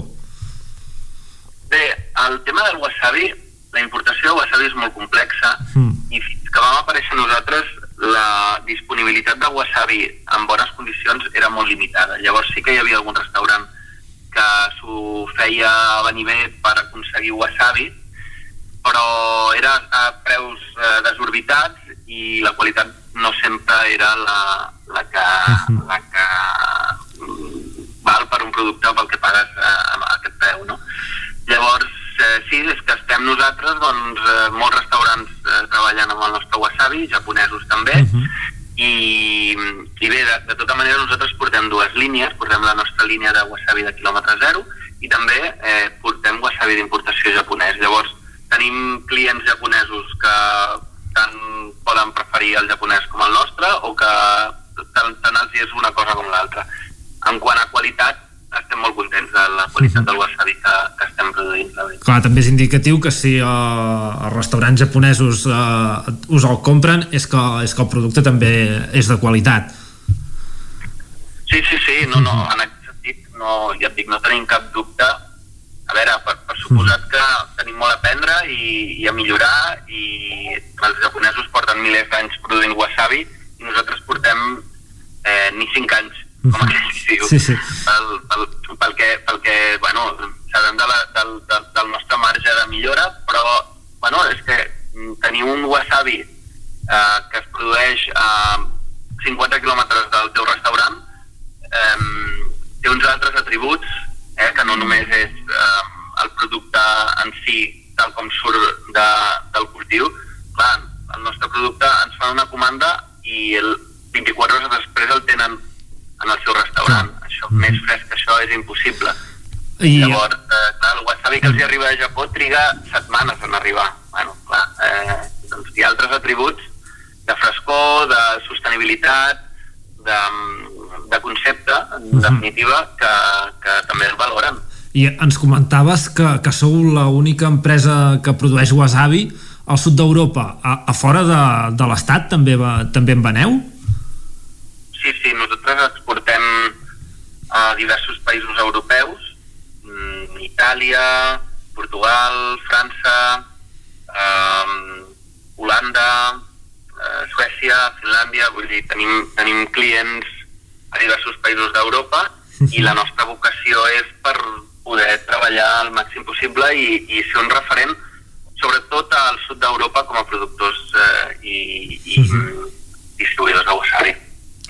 Doncs eh, és interessant que, que a Viladrau hi, hi hagi uh, aquest projecte per anar acabant. Pau, et vull fer una, una pregunta i és ens pots dir una recepta uh, amb wasabi que a tu t'agradi uh, per anar fent una mica obrint boca i fer una mica de gana abans de dinar? Bueno, a veure, el, el, més, que, més que això, dir qui, quins són els usos eh, més, més habituals i de fet són els que a mi m'agrada. A veure, a mi m'agrada molt el sushi i el sashimi uh Mhm. -huh. i el wasabi doncs i, i, i, i pega però, però, però molt, no? Ara, no és el concepte aquest d'agafo el wasabi, el ratllo i el barrejo dins la salsa de soja eh, i que piqui molt. No, Això no s'ha de fer. No, aquí és doncs, agafar la peça de, de sashimi o de sushi o de carn, eh, una bona carn, no cal que sigui el guayu aquest famós japonès, però un bon entrecot o, o és igual, una peça noble de, de carn, eh, llavors eh, posar-hi un, un, una punteta de wasabi i, i això, en el cas que sigui sushi o, o sashimi, no cal banyar la peça en salsa de soja. Ha de ser una punteta, com a molt, de, de salsa de soja, perquè si no és que després no li trobem ni el gust al peix, ni el gust al wasabi, i només hi trobem gust de soja. Sí. Doncs, Pau, moltes gràcies per obrir-nos les portes uh, i esperem que el vostre projecte uh, vagi fent passos endavant. Tant de bo, moltes gràcies a vosaltres, un plaer. Nosaltres us deixem amb els companys del Territori 17 que seguiran repassant l'actualitat local de les nostres comarques. Ai, Vicenç, ets gaire de wasabi tu o no? Menjar no, japonès... la veritat és que coses així com molt picants no seria, doncs, del, del meu gust, no? Però bé. Bé, bé doncs, doncs del meu sí. Però sí que sóc d'aquells que el wasabi és raconadet, eh? També, mm. -hmm. clar, depèn quin, perquè ens hem d'enganyar, però, però no seria precisament una cosa d'aquelles suaus de fer-ho baixar i, i, vaja, i de jalar-s'ho sol ja ni te'n parlo, eh? Uh, però bé, contra gustos no hi ha per res escrit i segur que hi ha de tot i gent que ens està escoltant que diu jo agrapats, però vaja no seria, no seria el nostre cas No, el que és i curiós hi hagi una plantació d'aquestes doncs, a les guilleries, la veritat és que sí que és un fet a destacar, a Home, i ressaltar tant. i, esperem doncs, que tingui molt èxit aquesta iniciativa. Exacte, wasabi uh, del Montseny, de quilòmetre bé, zero al Japó, no sé si els hi arriba, però la veritat és que de curiós ho és i molt. Molt bé, doncs avui en Jordi Givert, que a Territori Sostenible ens ha parlat això del wasabi, uh, que es fa a Viladrau. Nosaltres ara farem una breu pausa i tornem a dos quarts en punt redescobrint algun racó de Catalunya. Uh, de seguida sabrem quin. Fins ara. El nou FM, el nou FM. Can Xalant, moda i complements. Més que rebaixes, nova secció, tot a 10 euros. Moda home-dona, nen-nena, sabates, bosses de mà, maletes, complements i molt més. Sí, ho has sentit bé, tot a 10 euros. Vine a Can Xalant, ens trobaràs al carrer Sant Tomàs 4 de Call d'Atenes. També a Instagram i Facebook. Cocodril Club. Si t'agrada la bona música dels anys 60, 70 i 80, escolta el 9 FM als matins de dissabtes i diumenges d'11 a 1. És el temps del Cocodril Club, tot un clàssic de la ràdio, amb les bases del pop-rock, les llegendes, les cançons que s'han convertit en autèntics himnes. Recorda, dissabtes i diumenges al matí, d'11 a 1, al 9 FM 92.8. Cocodril Club, el programa revival de l'Albert Malla. Hasta luego, cocodrilo. Anuncia't al 9FM. La màquina de casa. 9 3 8 8 9 4 9 4 9 Publicitat arroba al 9FM.cat. Anuncia't al 9FM. La publicitat més eficaç. Cobertes serveis funeraris. Els nostres tanatoris estan ubicats en els nuclis urbans més poblats de la comarca d'Osona per oferir un millor servei. Tanatori de Vic, Tanatori de Manlleu, Tanatori de Centelles i Tanatori de Roda de Ter. Sabem que són moments difícils i per això el nostre compromís és atendre-us en tot moment amb un tracte humà, sensible i respectuós. Cobertes serveis funeraris. Telèfon 24 hores 93 883 23 46.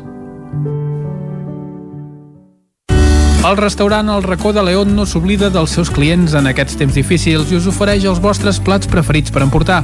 Reserves al telèfon 93 889 1950. Obrim amb el 30% d'aforament. Disposem de menjador i terrassa amb totes les mesures de seguretat. Són temps de reptes. A la Fogonera n'hem aconseguit tres. Servir arrossos d'estrella, per emportar i a un preu de justícia. Aquest hivern tenim l'arròs de calçots en tempura. La Fogonera, la rosseria de paelles per emportar a GURB i que també et portem a casa. Telèfon 93 851 55 75 i a lafogonera.cat. I quan cau la nit, Pupurri Culinari, solucions per sopar les nits de divendres i dissabte. Entra a pupurriculinari.cat i tria. Hi ha sensacions que són úniques. Aquell bany relaxant, mirar per la finestra quan plou i com les calderes Bailand, que li ofereixen fins a 15 anys de cobertura total amb el servei tècnic oficial Bailand. Informis a Oficiat Nord trucant al 93 886 0040. Amb el servei tècnic oficial de Bailand, la seva caldera estarà en les millors mans. El nou FM, el nou FM, el nou FM, el nou FM, el nou FM.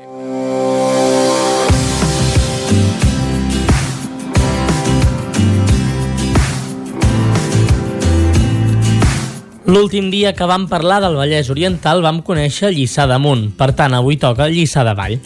El riu Tenes travessa el poble de nord a sud i és l'element comú amb la resta de municipis de la vall del Tenes. El riu Tenes deixa un marge de plana més ampla a la banda de Granollers, anomenada Plana de les Torres, i en canvi a l'oest, on s'enlaira el nucli municipal de la població, a una desena de metres per sobre el desnivell del riu. Lliçà de Vall presenta un relleu condicionat per la xarxa de torrents i rierols que el travessen.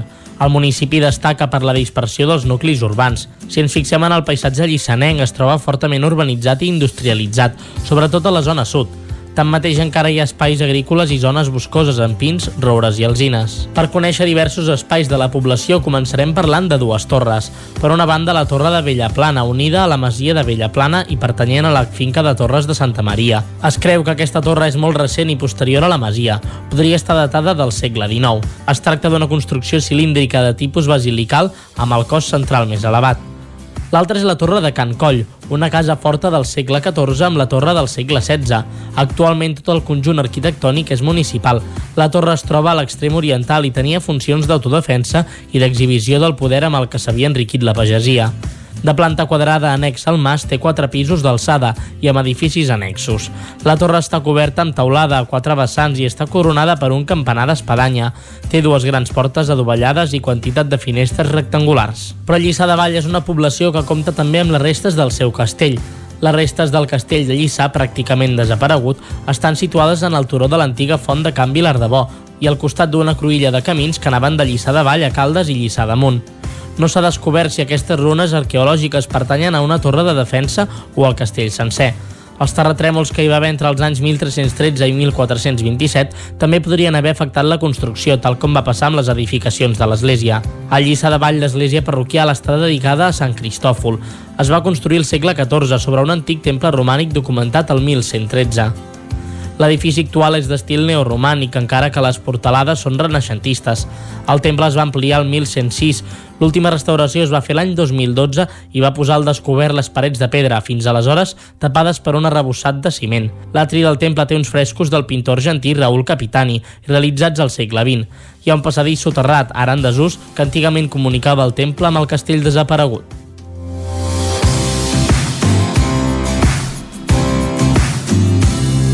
Territori 17 Ostres, Vicenç, jo amb Lliçà de Vall, eh, com que tenim una edat, m'ha vingut al cap que suposo que la broma és molt típica i tòpica. La gent de. Lliçà en deu estar fins a la soca dels...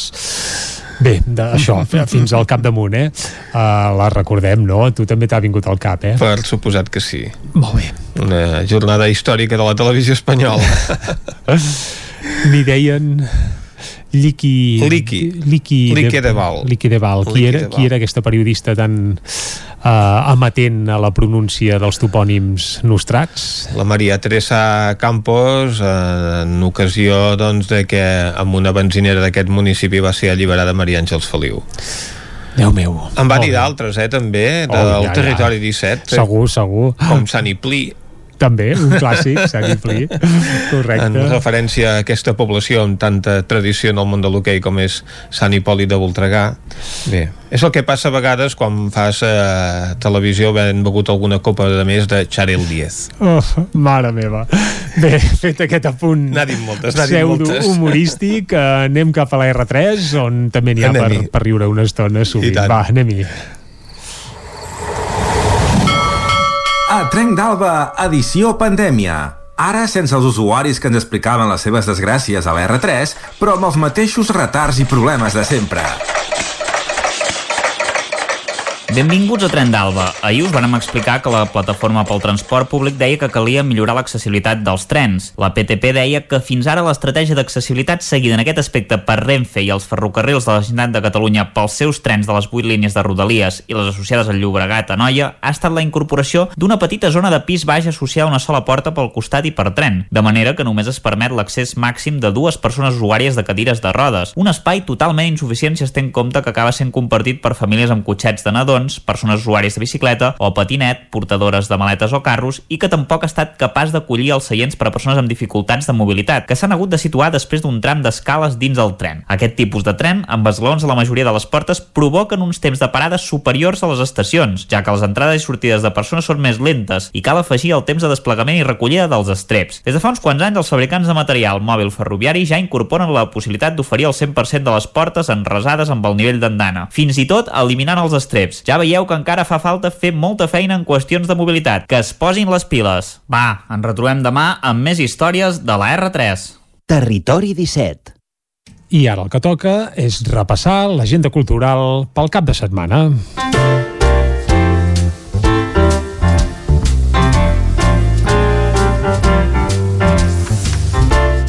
A part d'anar a votar, que això es pot fer diumenge, podem fer altres coses culturalment doncs, més profitoses, eh, Vicenç? I tant, i aprofitar que serà el primer cap de setmana de confinament comarcal, per tant podem anar ja als cines i teatres que hi hagi a cadascuna de les nostres comarques. Correcte, això sí que és per celebrar-ho, perquè és I evident que molts municipis, eh, bé, diguem que podria anar amb coixos, eh? Ja parlo en primera persona, perquè, per exemple, uh. -huh. la gent d'un poble com, bé, Vilaseca, en terme de, de Sant Vicenç de Torelló, no podíem anar al teatre al Sirvianum Que és allà eh, mateix. que el tenim a, a la cantonada i a més un teatre que programa no només pel seu municipi sinó com a mínim per tota la Vall del Gès i per extensió tot Osona i tot el territori tot el territori 17 i tot no? Mhm. i això és evident que passava a la resta de les nostres comarques sovint perquè aquests, eh, bé, aquestes restriccions estan més pensades des de l'òrbita barcelonina que no pas des de la resta del territori que allà tenen de tot i per tant no han de patir si volen doncs, tenir una estona de lleure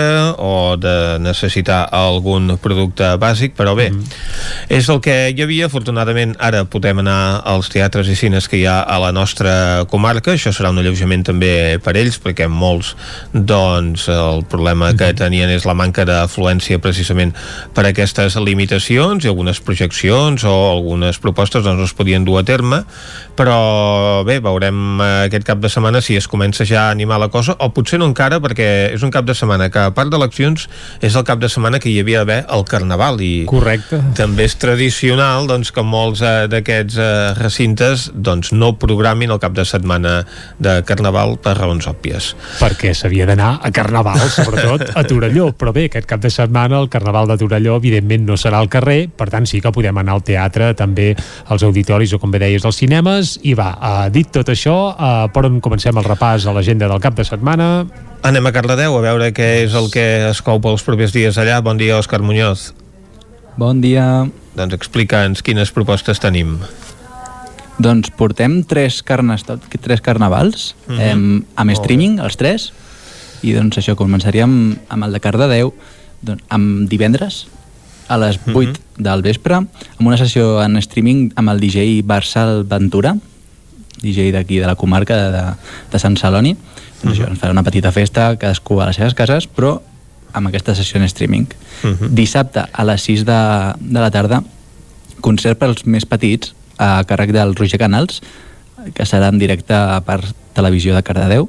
Uh -huh. i també l'Ajuntament organitza un repartiment a les escoles de carotes amb, figura de, de, amb figures de la nostra cultura popular doncs això perquè els nens a les escoles tinguin aquest coneixement i tot això, els tres carnavals que portem amb streaming porten a darrere un concurs d'Instagram on al de Cardedeu es podran veure les bases a la pàgina web de l'Ajuntament, que encara no ho han publicat, i doncs ens demanaran fer-nos eh, fotografies amb etiqueta amb un, amb un coixinet, amb un hashtag i, i això, de moment encara no estan, eh?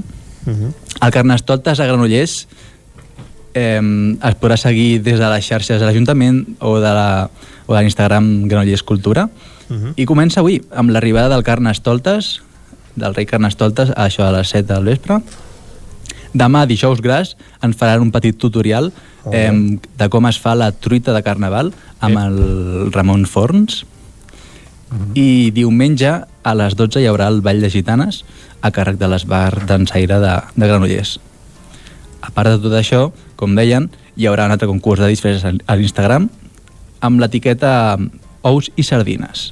I ens diuen que di dissabte ens disfressem amb la família, diumenge pintar-se la cara amb, per veure el Ball de Gitanes i dilluns anar vestit sense sentit.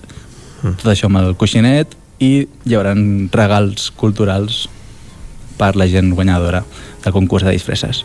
I per acabar el Carnestoltes de Llinàs, eh, divendres començarà amb la publicació del vídeo Som Gitanes, a través de la televisió de Llinàs i de les xarxes socials de l'Ajuntament i de la Colla Giola.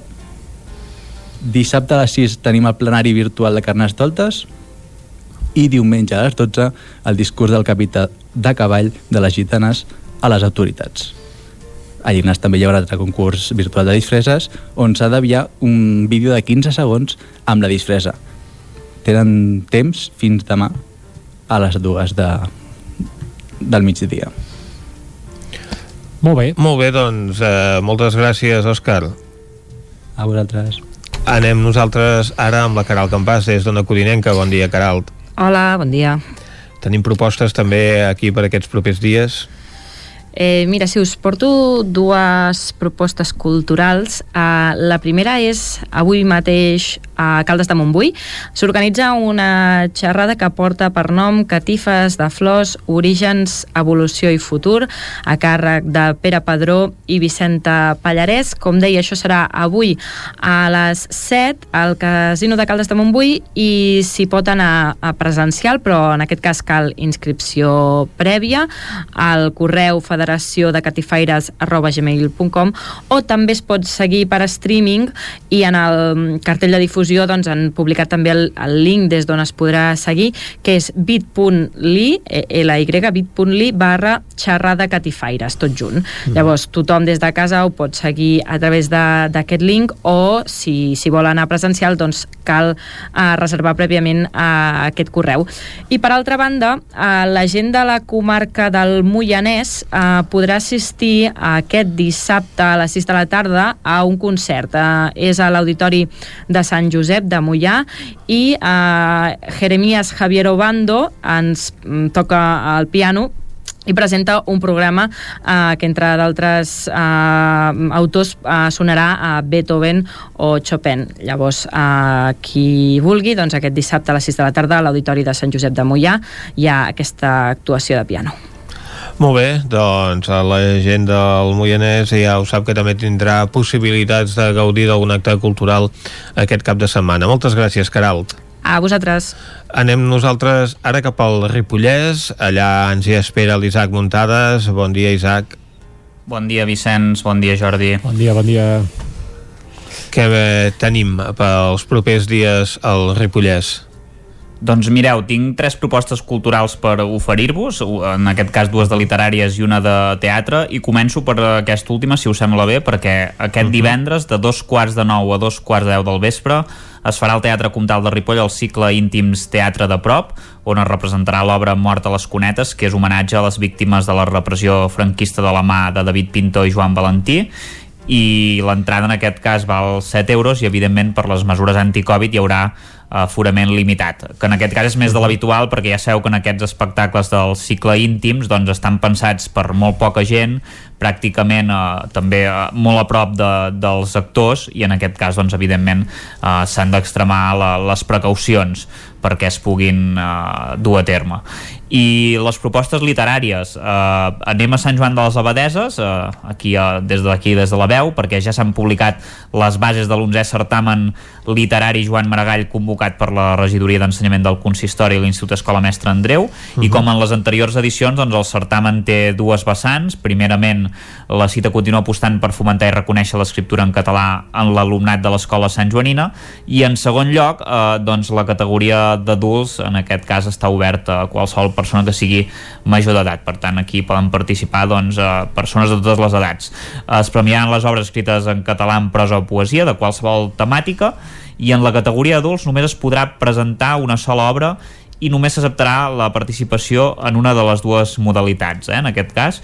Uh, en aquesta edició, excepcionalment, per al tema de la Covid, doncs s'hauran d'enviar les obres per correu electrònic i pel que fa a l'alumnat hi haurà premis des de primer de primària fins a quart de secundària amb una temàtica que haurà d'estar Uh, aquí sí que hi ha restriccions inspirada en el desè aniversari de l'Institut Escola Mestre Andreu en la categoria d'adults en canvi és lliure i el primer premi és de 200 euros i un diploma per cada una de les modalitats i per als o les finalistes. Uh, amb un llibre també, ja et dic, un diploma i un àpat per a dues persones en un dels restaurants d'aquí de, de, de Sant Joan.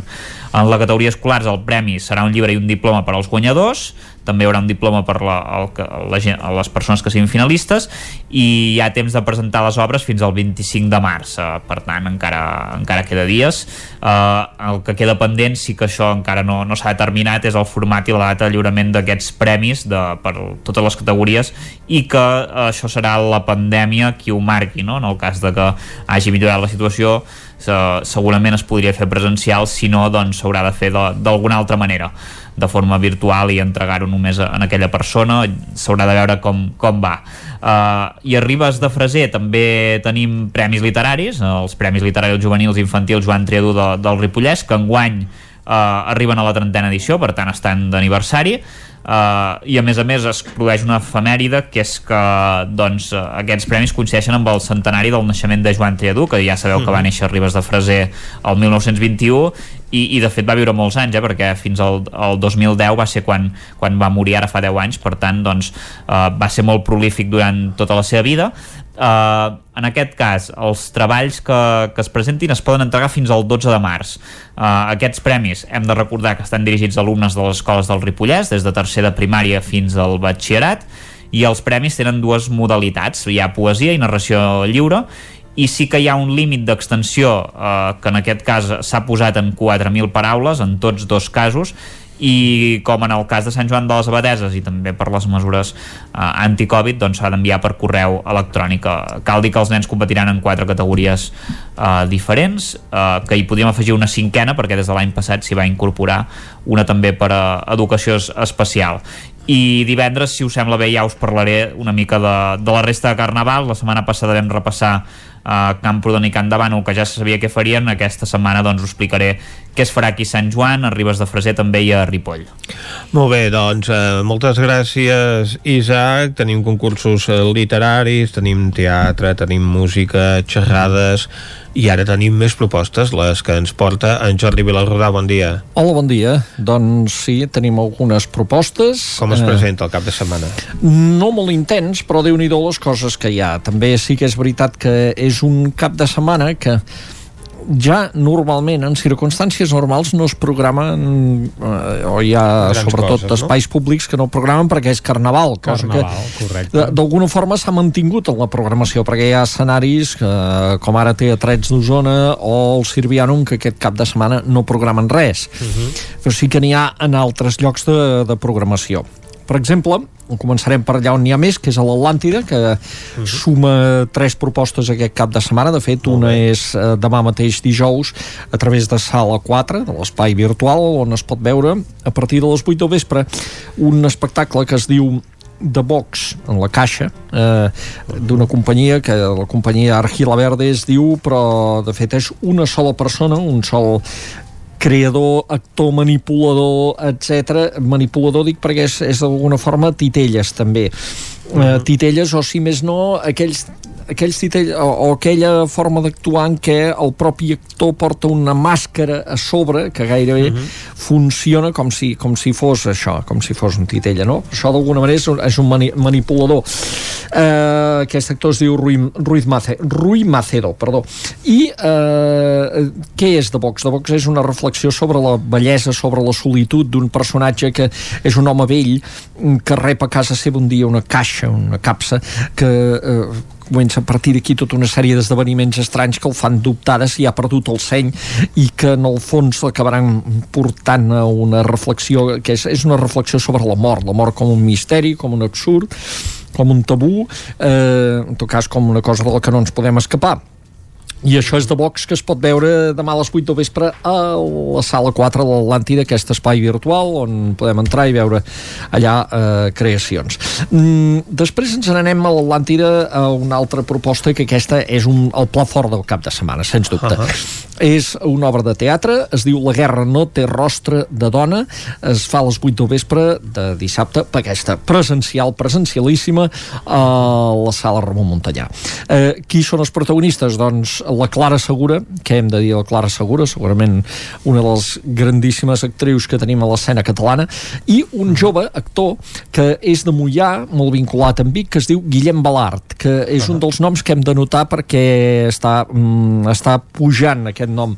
De fet, ja l'hem vist amb algunes altres produccions dirigides per l'Oriol Brogi, com és aquesta, de la companyia La Perla 29, i, i, i és un dels sectors que realment promet en aquest moment a l'escena catalana. Eh, què és la guerra no té rostre de dona? És un conjunt de reflexions en veu de dones sobre la guerra, perquè les guerres, les guerres de les dones són molt diferents. Uh -huh. Són víctimes, no són mm, eh, eh les que viuen en el front de combat però viuen en un altre front, són el sofriment més amagat de les guerres, són una altra manera de viure-les i eh, tot això es basa en textos d'una escriptora bielorrussa que es diu Svetlana Alexievich que ha anat eh, recollint és una escriptora de molt llarga trajectòria que ja va patir la repressió durant l'època de la Unió Soviètica de fet aquesta, aquests textos no s'havien pogut ni publicar en aquell moment que després doncs, va haver fins i tot de marxar del seu país perquè Bielorússia, ja no oblidem doncs, que Lukashenko no li cauen gaire simpàtics la gent del món de la cultura no. i el lliure pensament,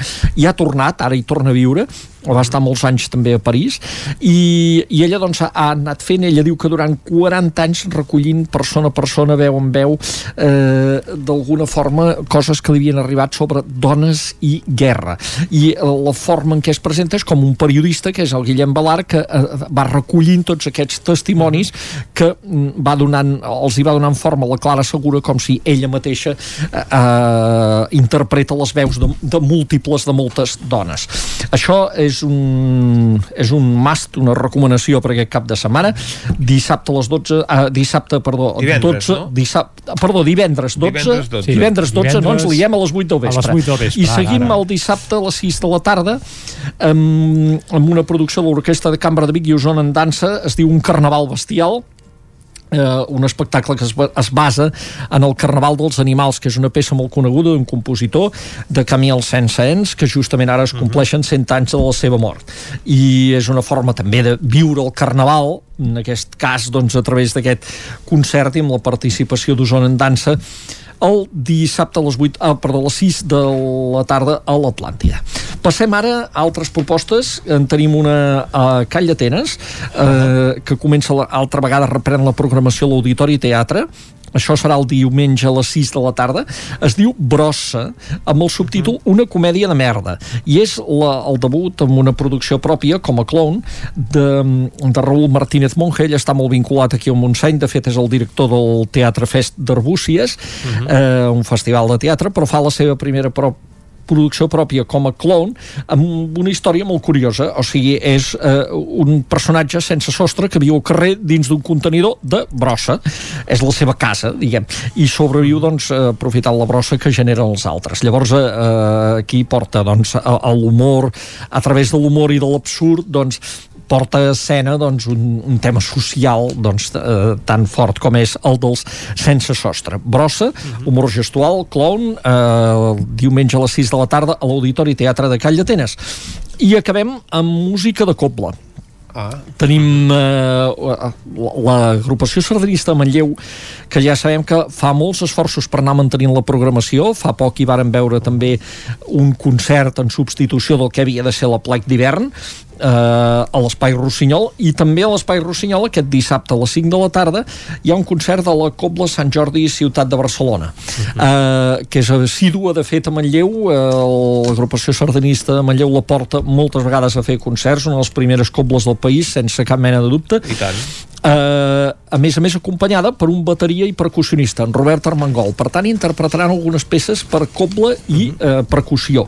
Eh, hi haurà entre d'altres peces de clàssiques eh, adaptades en aquest cas per aquest format de Toldrà, de Martínez Comín però també de compositors joves com el Marc Timón o també Exmembre d'aquesta precisament. exmembre d'aquesta cobla i tant, ara ja n'hem parlat és el que va fer la setmana passada va estrenar aquella peça sobre el canto jo i la muntanya balla de l'Irene Solà al Palau Ah, exacte. i ara està entre els Estats Units i aquí i de compositors de la mateixa cobla o d'un compositor santallenc d'en Joan Droguet i a més a més un Que altre també és membre d'aquesta copla. Que també és membre el d'aquesta contrabaix. I toca el contrabaix, correcte. i a més a més s'estrenarà una, una obra que, que es diu Fantasies del Jazz, inspirada en les en llegendes de la Vall del Jazz, que, que és d'en Pitu Chamorro, i es presenta en aquest concert eh, per primera vegada eh, sonarà doncs, a Manlleu. Eh, són doncs, eh, una mica el repertori doncs, de, de peces que, que es podrà sentir en aquest concert que ja, ja es havia d'haver fet i s'ha ajornat per la pandèmia, etc etc i al final doncs, es pot fer aquest dissabte a les 5 de la tarda a l'Espai Rossinyol de Manlleu. De fet, a la Copla Sant Jordi l'hem vista no només en percussió, com la podrem veure doncs, aquest cap de setmana a Manlleu, sinó que també ha participat en molts projectes musicals, més enllà de l'àmbit pròpiament de la Copla, De la no? cobla. com amb en Roger Mas, en Pascal Comelade... Sí, sí. Bé, podríem eh, citar... Segurament és la cobla de mires més obertes perquè també ha fet fusions amb flamenc, Sí, amb sí. música electrònica i vaja, amb tot el que se'ls hi posa com aquell qui diu a tret, eh? S'atreveixen a tot. No, no, que, que d'això es tracta també per, per, per d'alguna manera anar situant en la nostra percepció també com a espectadors i que, que la Cobla és una formació musical que no és la formació musical de sardanes, és una formació musical que pot fer sardanes i pot fer moltes altres coses. I té tot un món de possibilitats. I potser ara també això, aquest moment en què les cobles eh, no poden fer ballades però sí que poden fer concerts ens ajuda a descobrir també molt aquestes altres possibilitats expressives de, de la cobla. Jo crec que precisament per això serà molt interessant aquest concert de- d'aquest diumenge ah, d'aquest dissabte, perdó, a Manlleu I tant, és una bona oportunitat ara mateix que no es poden fer ballades de sardanes, doncs que la música de Copla arribi també amb nous formats, amb noves propostes i a nous públics, ara doncs que les seves interpretacions s'han d'escoltar amb la gent asseguda i per tant en format de concert. Efectivament. Uh, re, uh, com que ens queda un minut, deixem fer un apunt també, va. A I és que aquest cap de setmana, per celebrar que és jornada electoral, hi haurà un concert vermut d'aquells de les 12 del migdia del Sobrino del Diablo. En vam parlar un dia d'aquest xicot perquè resulta que ara és de territori 17. Ara viu a Sant Pere de Torelló i això, com que viu a Sant Pere doncs baixarà de la masia on està enfilat i s'atensarà fins a la Cope de Sant Pere que és un bar, però bàsi- bàsicament s'atensarà a la terrassa d'aquest bar per fer un concert en acústic en solitari eh, aquest diumenge a partir de quarts d'una del migdia, una bona manera d'amenitzar una jornada electoral perquè bé, a votar s'hi ha d'anar a correcuita no fos cas, però després per pair-ho sempre està bé anar a un bon concert sobretot de música àcida i crítica i, i bé, amb lletres que no deixen indiferent com poden ser les del Sobrino del Diablo. Fa, fa eh, no setmanes sinó mesos que s'espera un concert a Vic de, al casino del Sobrino del Diablo que no el pot acabar sí, sí, mai de fer per les suspès, restriccions Bueno, no suspès, s'ha ajornat dos cops. s'ha ajornat dos cops i bueno, se suposa que potser el mes de març a veure si, si finalment podrà ser possible aquest concert que es va ar- arrossegant, diguem. Esperem que sí i que en puguem parlar aquí a Territori 17. Tant de bo. Ara l'escoltem de fons, per cert, eh? I l'escoltem de fons, evidentment tocant en banda, cosa que no passarà a Sant Pere perquè tocarà sol en format acústic. Uh, tanquem aquí el repàs a l'agenda cultural del cap de setmana. Exacte. Uh, Jordi Vilarrodà, moltes gràcies. Gràcies, Jordi. Una agenda cultural doncs, que eh, hem tingut una mica de tot. Hi ha teatre, hi ha música, música clàssica, música de coble, hi ha música doncs, eh, també de rock, hi ha ofertes literàries i diferents actes que podem gaudir de forma confinada també els propers dies. I ara el que toca és dir-nos adeu.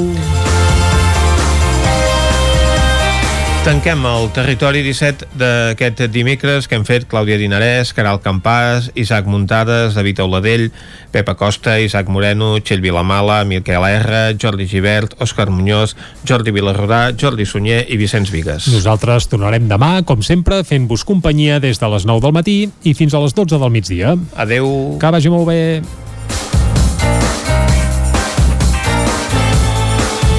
Territori 17, un magazín del nou FM. La veu de Sant Joan Ona Codinenca i Ràdio Cardedeu amb el suport de la xarxa. El nou FM.